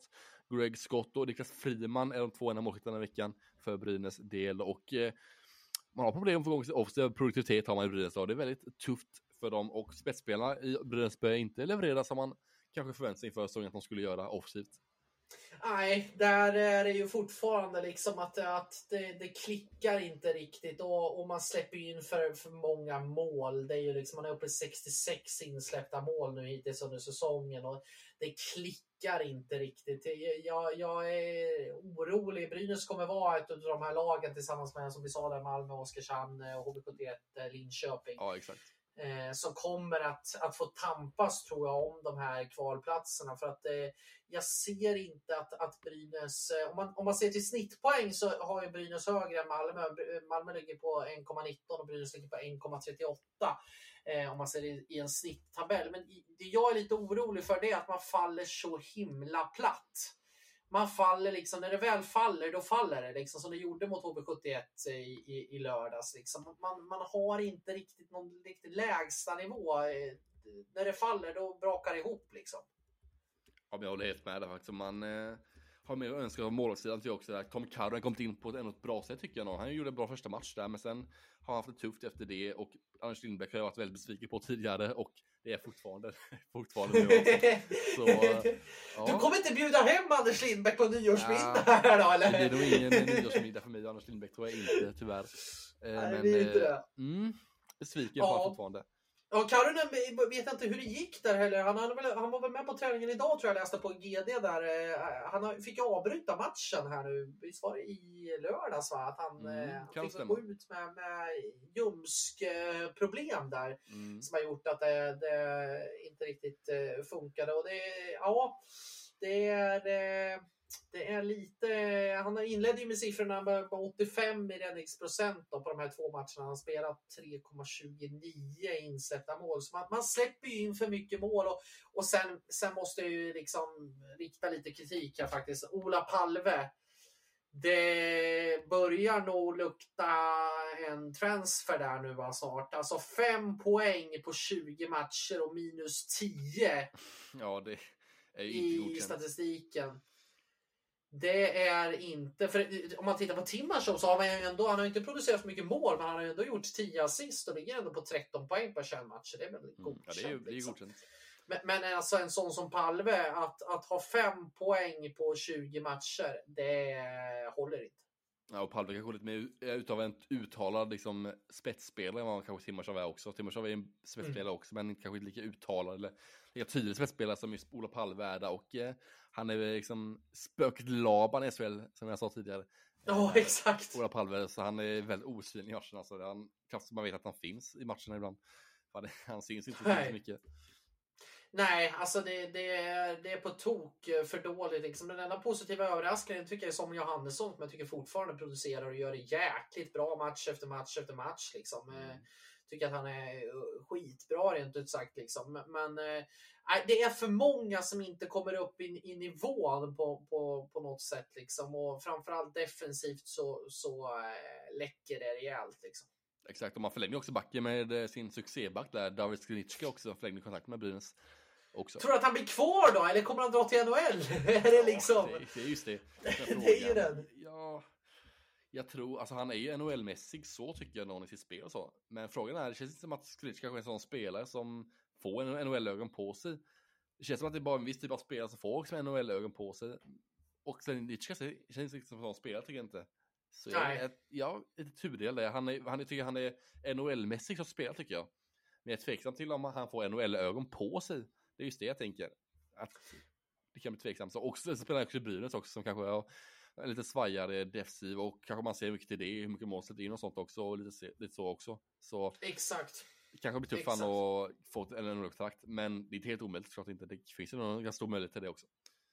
Ja, alltså, eh, ja, vi såg ju Marcus Björk som kanske inte var jätte Mm. liksom, oväntat framgångsrik faktiskt. i Brynäs. Har nu liksom tagit sig ett steg till NHL och sådär och gjort, gjort mål också. Så det finns ju olika vägar. Men det jag tycker är med, med honom, det är väl att han är kanske två år lite för gammal kanske. Han är 26, det är ju inte någon jättelast gammal. Men, men för NHL tror jag att det är kanske två eller tre års eh, lite för. Det blir ju i så fall AHL-spel som man skulle säkert hamna i då till att börja med i alla fall. Så att det är tufft att försöka slå sig in där. Men, men sammanlagt med Brynäs, det måste, man måste få ordning på, på eh, defensiven och man måste hitta någon form av botemedel på det här snabbt. Och man måste göra det tillsammans med både målvakter, backar och försvarare. Det måste göras över hela banan. Liksom. Exakt, jag håller helt med där. Kanske är Mikko Niemel rätt namn för Brynäs som kan ordna upp den här backsidan. Andreas, vad säger du? Ja, man, man har ju ingen liv när man sitter och tittar på vad klubbar följer för, för Instagram-konton. Då börjar man ju liksom undra vad man håller på med helt enkelt en, en söndagkväll. Nej, men jag satt faktiskt och kollade på det var ju jag som hittade det här Ja, första, första lite. spår, spår. Ja, det, det, var, det var mer eh, tillfällighet än hyllning kan jag. Jag hade, jag hade ingenting att göra och ibland liksom när man inte har något sånt där riktigt att göra. Jag hade varit på Ikea och köpt massa grejer. Ehm, det hör inte hit, men i alla fall. Så hade jag, så hade jag, så hade jag vet, hade inte så mycket att göra och låg och kollade på fotbollen samtidigt. Eh, och så tänkte jag, fan jag går in och kollar, det kanske är någonting på gång i Brynäs. För man börjar ju höra liksom att det var lite snack om, om eh, Tommy Sallen och sådär. Och så tänkte jag, men jag kollar deras Instagramflöde och ser lite. Och så ser jag att det var en del finska nya namn där som hade dykt upp i flödet. Och så började jag titta och klicka in mig på en av de där profilerna bara för nyfikenhetens skull. Och det visade sig att det var ju hans fru som Ja. hade börjat följt eh, klubben. Och sen så, ja, bara 12 timmar senare, då blev han ju presenterad. Så att, eh, eh, ja, det, det kan jag ge, för ni som vill bli eh, kommande hockeyjournalister alla där ute, om det är någon som sitter med de ambitionerna. Kolla klubbars Instagramflöden, för jag har faktiskt lyckats med det här en gång tidigare. Det var det när William Wikman i våras eh, Mm, skrev på för Örebro. Då var det faktiskt att, jag tror att det var hans pappa eller någon anhörig som jag såg hade varit inne och eh, börjat följt Örebro. Och då kan man ju bara dra paralleller. Det är ju inte alltid det stämmer. Vi har sett Mario Kempe börja följt Luleå och där har ju fortfarande inte blivit någon övergång. Men, men det brukar vara någonting. Framförallt när det är så många. När det är både pappa, hela syster och, och, och eh, fru. Då börjar man fatta att nu, nu är det klart. Liksom. Exakt. Eh, och det är, inget, det är ett lån också säger jag också. Man lånar in den här tvååriga backen och som Mikko Niemele är. Han har haft eh, 21 matcher i ligan den här säsongen för Kärpet och en assist och minus två den här säsongen i Kärpet. Ingen jätteimponerande siffra kanske, men nu är utlånat till Brynäs som sagt eh, på den här säsongen ut då. Jag tittade lite mer på honom och tog faktiskt kontakt med lite finska journalister som jag har kontakt med eh, sedan tidigare. Och det är ju en stabil back. Han har ju vunnit i, eh, jag tror att det är tre gånger han har varit i finska, finska ligan om jag inte är helt fel. Eh, och har ju varit med i landslagssammanhang också tidigare. Jag tror att han har gjort fyra matcher där för två år sedan. Så det är det är ju, en, det är en defensiv kugge som är duktig på att stänga ner. Alltså där har du ju en sån här försvarsgeneral. Det är inte någon spetsig någon som ska gå in och göra poäng och liksom leverera. Utan det är någon som ska vara en defensiv kugge. Och jag tycker väl att det är ganska smart. Jag tror att Mikko Manner har eh, ganska bra koll på honom. Han har ju varit i, han kommer ju från Mikko Manners före detta klubb så att det, och har ju tränats av honom tidigare. Så det, han har ju säkert sin koll på vem det här är. Mm, ja, helt klart. 1,87 är lång, 90 kilo väger han också. Det är en ganska kraftpaket som kommer in till Brynäs här nu. En defensivt kraft, kraftpaket. Mm. Ja, det är väl där, det är väl hur han kommer anpassa sig till skridskotekniken i SHL. Eh, Mm. för finska ligan och, och SHL, det är en stor, stor omställning och vi har sett att det är flera som har haft problem med det här tidigare. Men annat, eh, men Sklenicka har ju lyckats med det ypperligt. Nu är han en jätteduktig skridskoåkare, men det ska bli intressant att se hur han anpassar sig till, till SHL när man är så stor och så, liksom, den spelartypen, om man hänger med i tempot. Ja, helt klart. Jag håller helt med där. Och nu lämnar vi, eller lämnar vi Brynäs då och vidare till nästa lag som är Färjestad. Färjestad har en vinst, en förlust den veckan. Man torskade mot Malmö torsdags med 1-4 på hemplan där. Så hade man ännu en hemmatch i lördags mot Örebro. Där slutade i 2-1 vinst då för Färjestads del. Och Mikael Lindqvist och Magnus Westfeldt gjorde mål i lördags. Och Linus Johansson blev deras enda målskytt i torsdags. Eh, och en helt okej okay vecka av Färjestad ska jag säga då. Eh, Uddamålsvinst mot Örebro, det är bra gjort. Och en torsk hem mot Malmö, inte lika bra kanske med tanke på Malmös mm, lite dåliga form sådär. Men vad tycker du om Färjestads vecka Andreas? Ja, men lite upp och ner. Eh, det kommer såna här veckor också eh, där det inte ser liksom sprudlande ut. Det är, det är liksom svårt att göra det, framförallt när man går in i en väldigt tuff speltid som november och december är. Eh, jag tycker att Färjestad var jätte, jättebra, verkligen påställda från start i lördags. Man kommer in och liksom flög över Örebro i egentligen de två första perioderna där. Sen, sen kommer Örebro lite ikapp lite och får lite vittring och är ju nära att kunna få en kvittering på slutet där. Men jag tycker det jag gillar med Färjestad är att det finns en bredd i det här laget. Det finns en, framförallt på forwardsidan så finns det, nu är det en sån som Marcus Westfeldt som går in och, och visar liksom och, och eh, gör avtryck. Det finns en bredd i, i Färjestad som jag imponeras av. Ja, helt klart. Jag håller hållit med där. Man har haft många, många skador liksom och så, men man börjar ändå liksom hitta en stabilitet och kunna få in liksom spelare ändå som kan göra det bra och fylla de här rollerna som är tomma tanke på skadorna och så som har varit. Eh, och eh, man saknar Theodor Lennström tycker jag också mycket i Färjestads del där. Han kommer viktigt sen när han kommer tillbaka. Eh, liksom en av Sveriges bästa backar och eh, väldigt bra både dessutom offset och eh, verkligen en ledargestalt i detta Färjestad och driver på detta gänget framåt. Så han kommer viktigt sen när han kommer tillbaka och man tycker, tycker man ser liksom att det finns ett tomrum där efter Lennström då, att han liksom ändå är saknad i laget där som sagt. Eh, men han är tillbaka efter årsskiftet, så han är tillbaka snart. Verkligen, nej men det, det behövs ju absolut. Liksom. Men jag tycker att om man ser till att det finns sportchefer i SHL som har träffat fel med rekryteringarna så tycker jag ju verkligen, som vi har varit inne på tidigare, att mm. Rickard Wallin har ju verkligen träffat rätt i sina, eh, sina rekryteringar. Jag tycker att var, eh, man har fått ihop ett bra lag på det här och man vet var man går. Sen kommer det bli en förlust här och där. Sånt händer liksom. Men jag tycker att det är starkt att ändå studsa tillbaka mot, mot Örebro där i, i eh, lördags. Så, äh, men som sagt, det, det, finns en bredd i det här laget som jag imponeras av och man står inte och faller med en enda kedja. Liksom. Nej, det är fyra enheter som bara tuggar på där i Färjestad som sagt. Men nu lämnar vi Färjestad tycker jag går vidare till sista laget i detta körschema för denna veckan. Och det är då Louis Eriksson och hans Frölunda då som sagt som är sista laget ut denna vecka. Två vinster på två matcher. Man nollade Örebro i torsdags då och vann med 0-3 på bortaplan där. Nyss nämnde Louis Eriksson gjorde mål den matchen då tillsammans med backgiganten Andreas Borgman som är tillbaka för skada eh, tillsammans med Filip Johansson där i den matchen. Sen vann de mot Linköping i lördags med 3-1 efter att Patrik Karlsson gjorde mål. Jakob Nilsson med en strut där som hängde på krysset. Sen Niklas Lasu fick en skänkpassning som han la in upp en kasse där då i lördagens match.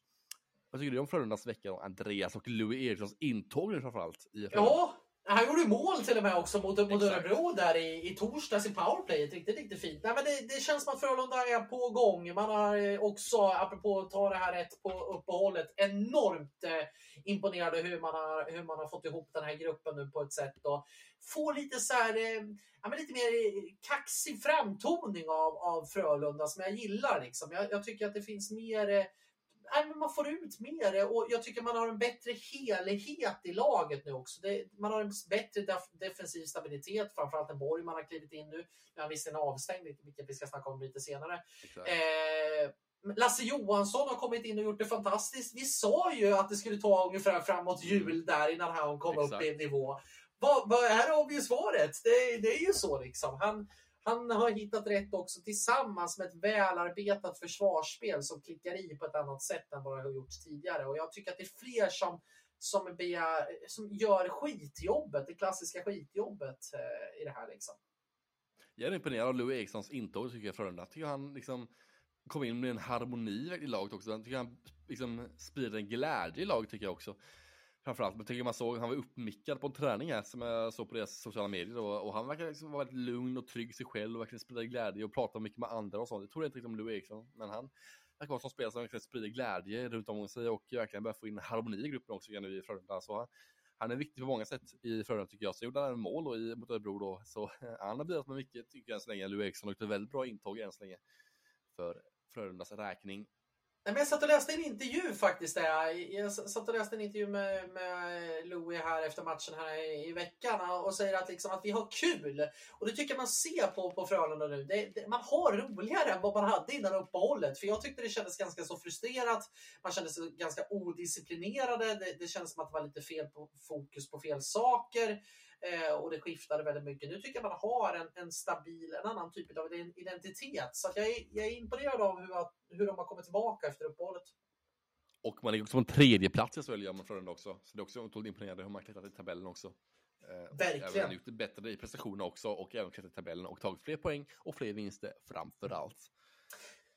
Ja, ska vi gå in på Borgman-resonemanget där? Hur, eh, vi hade ju en mm. tackling där i, i eh, lördag som har blivit väldigt, väldigt upps, uppsnackat eh, med Exakt. Borgman mot Brook Little. Eh, Borgman fick ju fyra matchers avstängning. Den här avstängningen är nu eh, överklagad faktiskt från Borgman själv och Frölunda till eh, vad heter det? Det heter... Riksidrottsnämnden heter det. Så heter det! Ja, och det hör ju inte till vanligheterna. Jag vet att eh, Osten gjorde det för några år sedan. Ja, Osten anmäler ju allt. Han till... Alltså, han hade ju, han hade ju så här, lagt in eh, telefonnummer till Riksidrottsnämnden som favorit i sin telefonlista. Jag sitter där inne i katalogen, det bara ringer. Han har liksom en hotline och kan dra upp det. Fina, fina, fina Osten. Jag kan Men de i nämnden, så här, de såg Ostens namn och som de liksom har suckat lite och bara, nej inte han nu igen. Ja, herregud. Det var mycket anmälningar där för redan ja, tredje eller fjärde. Det var en del anmälningar kan man säga.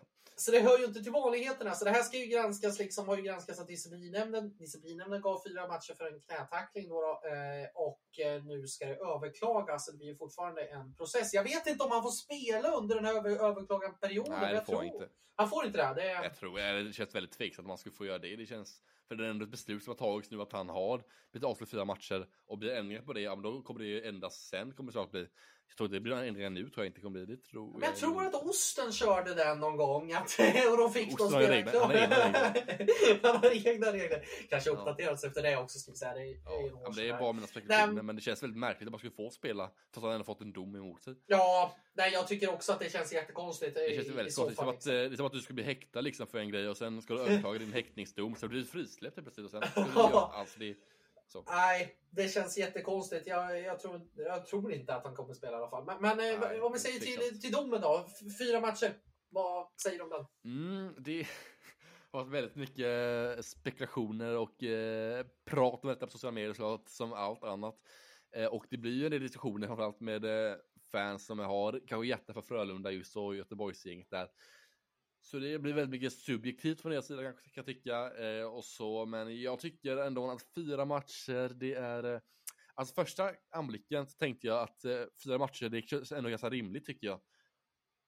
För det är, alltså det är en hög, han kommer ändå in i hög fart, sätta en tackling, missa totalt tacklingen och veckla ut knät och träffa Brocklitis knät, gör knät.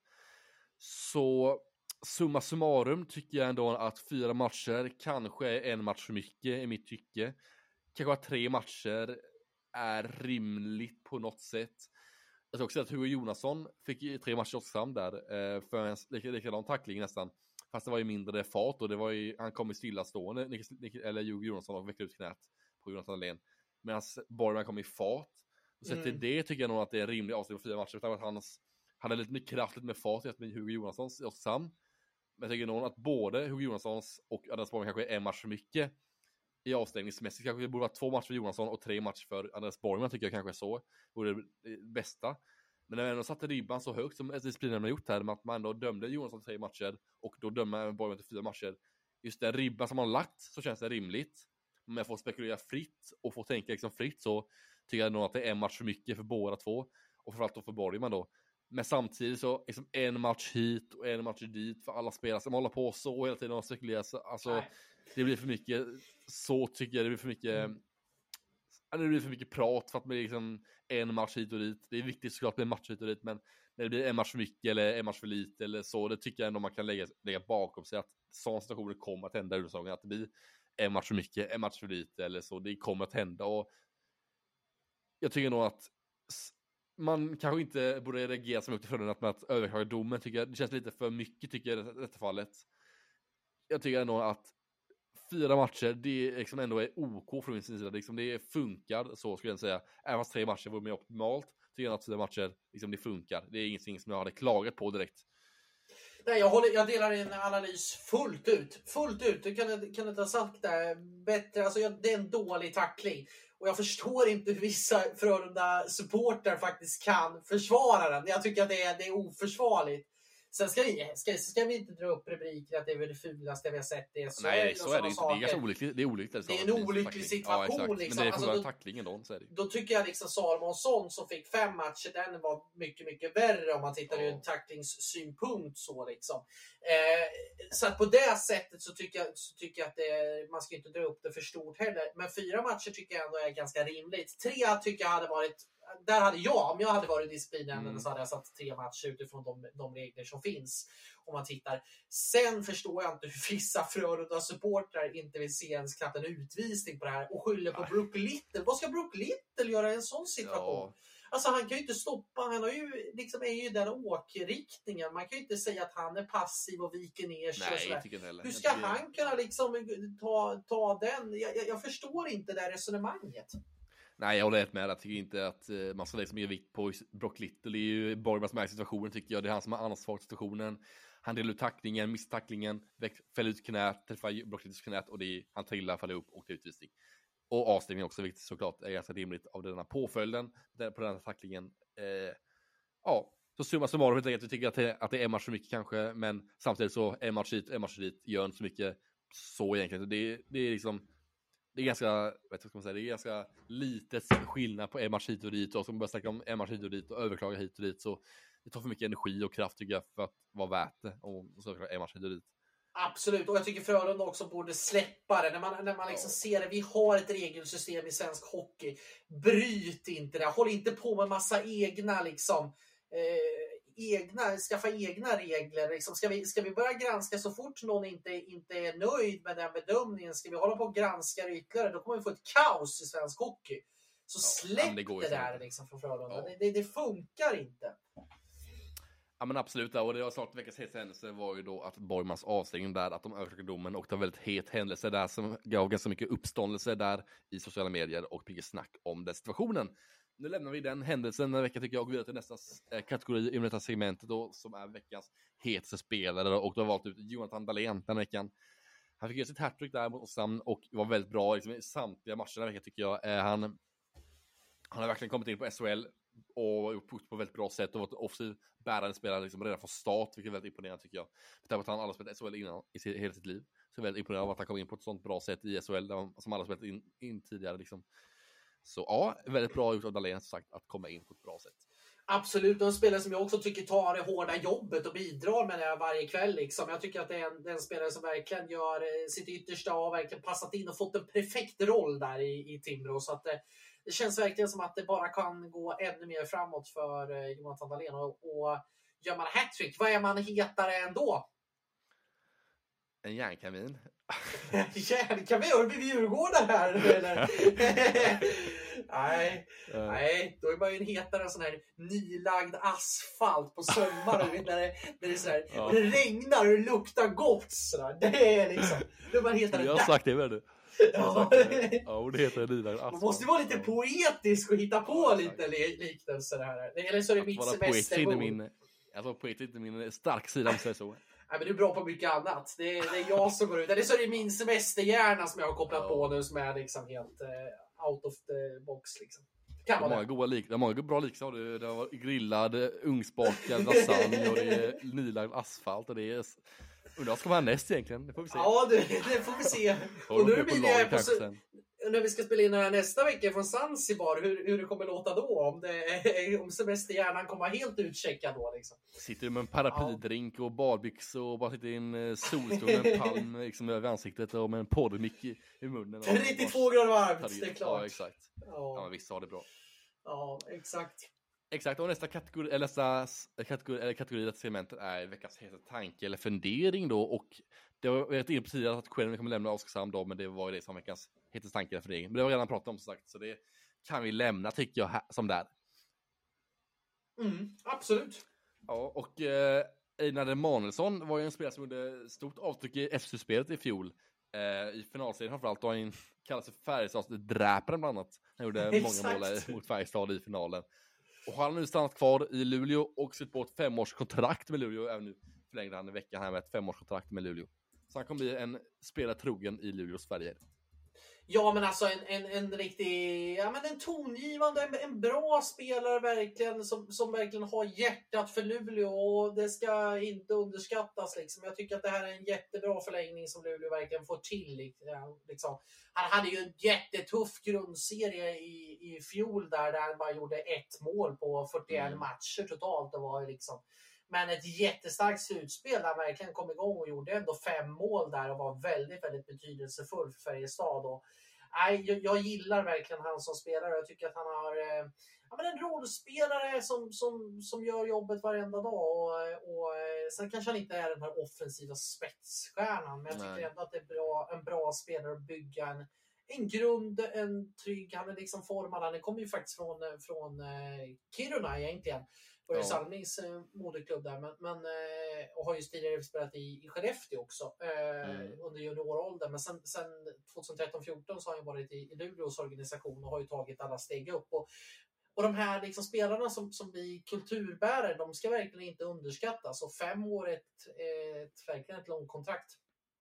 Exakt, jag håller med. Kolla bara på liksom Rögle nu med att hon blir av med två kulturbärare Rögle med ju, i Sjögren och Brithén. Sen har han fallit ihop totalt. Ja. Det. Eh, och en Månsson är bra på mycket annat tycker jag än bara man ska göra mål eller göra assist och göra poäng. Utan han är bra på mycket annat. Jobbar alltid hårt, sätter alltid laget för det jaget och eh, har en bra skridskoåkning, har mycket fart under rören och är bra på väldigt mycket på isen helt enkelt. Dessutom en väldigt bra slutspelslirare. Alltså, ja, jag tycker att han verkligen tog fram det, i alla fall i, i fjol, där att han han tog verkligen fram någonting extra när det väl hettade till och verkligen trivdes i den hettan. Liksom. Så att, eh, nej, eh, enormt eh, imponerad faktiskt av den eh, förlängningen av Luleå. Yes, men innan vi klappar ihop denna SHL-butiken denna veckan så har vi veckans segment då. Denna veckan då. Och eh, denna veckan så eh, har jag tagit fram en lista då har vi lagt på under veckans gång här. Många spelare blivit avstängda, många spelare blivit den här säsongen och då kan man ju räkna ut vad de tjänar i månaden tack vare att de blivit avstängda och får betala en böter då som baserat på en viss procent av deras månadslön bland annat. Eh, så nu har jag fått fram fem spelare då som eh, räknat ut här vad de tjänar i månaden på grund av att de varit avstängda då och man har kunnat räkna ut vad de tjänar helt enkelt i månaden. Ja, Andreas, vi har fem spelare igenom här. Intressant. Ja. Väldigt intressant. Så vi börjar med spel nummer ett då, Johannes Salmonsson eh, i Korsand. Han tjänar alltså 61 000 kronor i månaden denna säsongen. Ja, det är ju väl... Han hade 150 000 kronor i månaden förra året, han hade 150 000 kronor i månaden i förra året då, men fick gå det i lön alltså drastiskt mycket på hans fjolårssäsong som inte var imponerande alls och var nu istället en breddspelare med en lön på 61 000 kronor i månaden. En rimligt. Ja, men absolut. Jag tycker att det är en, det är en bra spelare för de pengarna. Liksom en snittlön i SHL ligger väl på 150 000 och sånt där. Och, och 120. 120, så är det till och med. Mm. Eh, och det tycker jag är, är en, en bra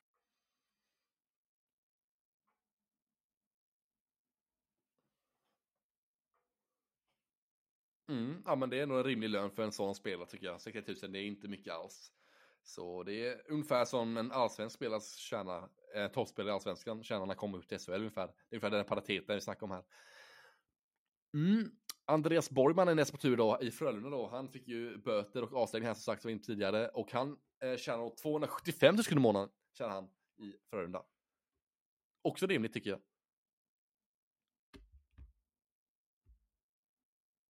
Eh, en väldigt rimlig lön för Andreas Borgman tycker jag som sagt. Eh, Andreas Borg, eller Andreas Lundskog, jag vet inte vad som händer nu. Andreas loggar ut samtalet här. Så nu kör vi lite sol här då. Men eh, Andreas Borgman som sagt, då, 275 000 i månaden har han. Eh, och eh, en väldigt rimlig lön sagt tycker jag för Borgman. Liksom det är en spetsback på SHL-nivå. Kanske en av de bästa i hela SHL. Eh, Topp fem i alla fall tycker jag. Var i SM också sett tidigare, varit i NHL och AHL och Nordamerika många år och är nu hemvändare till Göteborg och till, eh, ja, till SHL helt enkelt och svensk hockey. Så en väldigt rimlig lön för Andreas Borgman tycker jag med tanke på vad han presterar på isen. Så det var Andreas Borgmans eh, lön i månaden då i Frölunda. 275 000 i månaden sagt, en väldigt rimlig och bra lön. Nästa spelare ut är Jusso Rikola. Eh, IK Sams finländska stjärnförvärv inför säsongen var han. Eh, stjärnback då, landslagsmeriter, meriter i Pittsburgh Penguins och i NHL och gjort det väldigt bra i AHL förra säsongen. De har 35 gjorda poäng i AHL och en av de bärande spelarna där i Pittsburghs farmarlag då och en väldigt bra och stabil spelare eh, tycker jag har varit den säsongen, varit lite halvknackig den säsongen men har lön på 225 000 i månaden har han, eh, eller på 225 000 i månaden har Uso Ricola i Oskarshamn då. En, också en ganska rimlig lön. Han är ju import så han har ju lite ett kontrakt som är baserat på lite olika saker, men i snitt så alltså lite mycket bonus är det ju i hans kontrakt såklart med både sign-on bonus och även en bonus i slutet av kontraktet också. Men om man ser i snitt över hela säsongen då och i månaden så har han en lön på 200 000 i månaden då i Oskarshamn såklart. Sen var så Rikla alltså och nästa spelare ut är ingen mindre än eh, Frölundas kulturbärare då och deras norske forward Mats Rossi Olsen. Även han blivit avstängd den här säsongen och har en lön på 130 kronor i månaden har han. Eh, I Frölunda en lön på 130 kronor i månaden har han. Mats Rossi Olsen då som är en kulturbärare har sagt. Vi har haft många säsonger i Frölunda nu som sagt.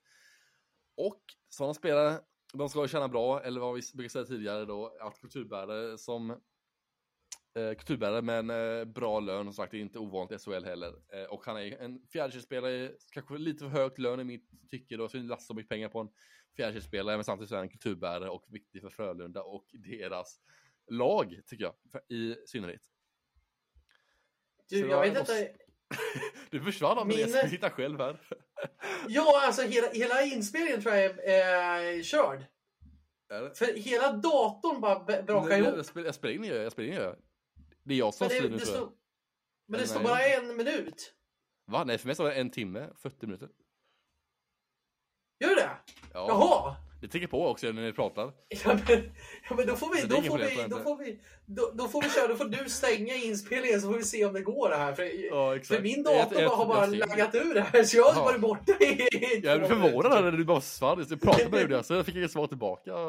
Undrar hur det lät till tittarna också. Jag hade kört solo här, jag laddade upp alla spelare nästan.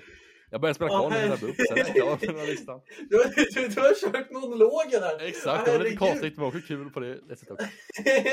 Väldigt tråkigt också. Ja, får hoppas att det funkar här. För min står det en, en två här nu så att det, det, här, det, här, det här kan bli hur som helst här idag. Ja, det ser det inte bli, men det får bli. Sånt händer ibland. Det tekniska strul haft tidigare och det har vi nu också.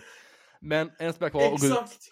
Och det är ännu en kulturbärare och ännu en fjärdekedjespelare och det är Ludvig Nilsson i Växjö Lakers då har han på 80 kronor i månaden har Ludvig Nilsson då. Alltså en lön på 80 000 kronor i månaden i Växjö Lakers som sagt och han förlängde kontrakt förra året också och fick en högre lön där han dubblade sin lön. Och han för två år sedan då när han förlängde kontrakt förra året med Växjö Lakers. Men det var det han hade listan Andreas. kommer jag få gå in och lyssna på vårt eget program för att se liksom var och var. Det här är ju en riktig cliffhanger alltså. Ja, Teknikens under. När dat datorn gick på semester innan jag gick på semester. Ja. Att, det, det händer inte ofta men... det, det händer inte ofta ibland, men så. ibland så. Nej, vi får hoppas att det... Undrar hur det låter tittarna. Men... för jag blev lite chockad när du försvann. Så, ja. Jag, det jag, bara såg, jag bara såg hur liksom datorns typ kamera, för vi spelar ju in och ser varandra. Ja, och så fick jag se hur det bara slocknade och sen var det liksom hela datorn bara stängdes ner och fick någon jäkla tokspel. Så att, ja. ja, det ska bli intressant att se hur det här låter nu. Men som sagt, det var den här listan och det var veckans segment. Helt enkelt var den veckans segment. Eh, och eh, ja, Andreas, ett lite kontroversiellt avsnitt kanske man säger. Lite annorlunda avsnitt där du försvann lite här, men eh, blir bra ändå. Och eh, ändå fått med det mest tycker jag, Andreas. Vad tycker du? Absolut. Nej, men vi har snackat om eh, Bormans avstängning, eh, Luleås eh, värvningar. Vi har även eh, snackat om... Ja, men du, vi har ju missat också Luleås värvning utav eh, Tommy Sallinen. Ja, det kan vi avsluta med. Snackade off-cam det kan vi... Exakt, det drog vi på off-cam ja. Exakt! Exakt. Vad, vad tycker du om att eh, beskedet kom idag? Det har ju också varit lite snack om att han var aktuell för Brynäs, en comeback i Brynäs. Eh, Vad Mm. tycker du om den övergången?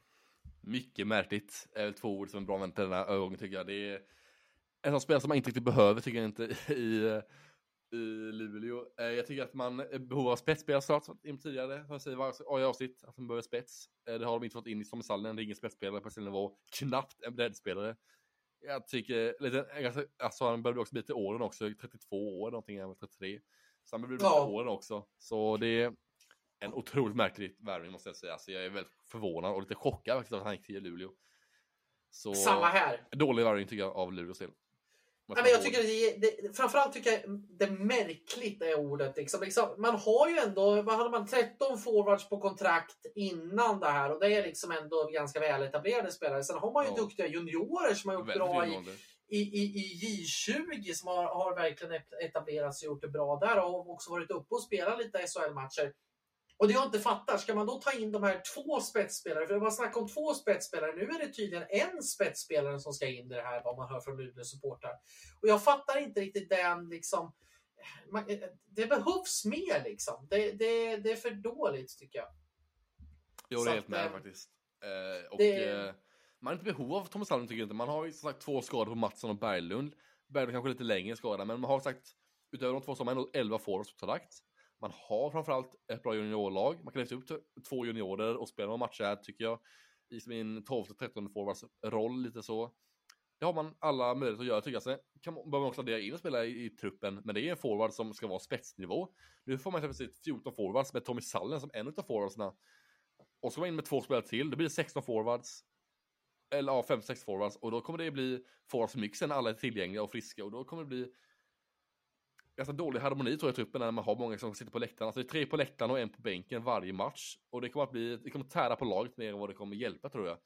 När man har Mm. sån, en sån trupp också. Så, mm, jag tycker lite, lite, li- det sänder lite dåliga signaler kan jag tycka också till deras juniororganisation. När man väljer att ta in en 32-årig finsk spelare som i och för sig har spelat på SHL och kan ju göra etablerat. Men liksom, jag tycker att hans roll, det kan väl en junior fylla. Jag ska inte säga om det var liksom att en junior ska ersätta Linus Omark. Sådana finns Nej. inte. Liksom. Men, men, men när vi går in på de här spelartyperna och de här spelarrollerna. Då tycker jag, för jag tror inte att han är, han är inte gratis heller. Nej, det är Han- inte. Och kommer från en ganska så dålig eh, liksom, poängsession. Har väl inte han varit någon poängspelare överhuvudtaget. Nej. Men, men, men i, i, i, tjeckiska ligan, jag, jag tycker att det, det andas jättekonstiga grejer i det här. Liksom, gör ett korttidslån då från typ Kalix eller någonting och ta in Mm. någon från Hockeyettan om du måste fylla upp med en kropp. Liksom. Det finns bra spelare i Hockeyettan också. Jag det sänder en väldigt konstig signal också till alla sponsorer och till alla fans också för Luleås del. Alltså man eh, har varit intressant att man ska värva in två forwards, sen värvat, eller sen lovat liksom två spetsforwards till fansen. Så presenterar man Tommy Sallinen här som en forward. Och då tycker jag det lite fel signaler, lite dubbla signaler från deras ledning då mot fansen och liksom företagen som sponsrar liksom Luleå och så. Det känns väldigt, väldigt fel signal tycker jag det sänder till de andra liksom fans och supportrar och ja, företagare helt enkelt i Luleå. Ja, verkligen. Nej, men det tycker jag är, bra, är en bra sammanfattning på allting. tycker jag. Men det är så vi kappla upp butiken nu eller och stänga butiken för den här veckan. Eh, Och, Nu gör vi det! Får hoppas att det blir ett avsnitt i alla fall så inte försvinner så det är nu bara för det. För det är bra Exakt. tycker jag. Jag ska avsluta med ett citat nu innan att jag går på semester. Ja, Semester är inget ställe, det är en känsla. exakt. Och det, det var veckans visa citat från Andreas här också. Och nu lämnar vi detta veckans avsnitt och säger tack och hej då för denna veckan. Eh, Tack så mycket, ha det bra med er. Vi, vi hörs. Hej då.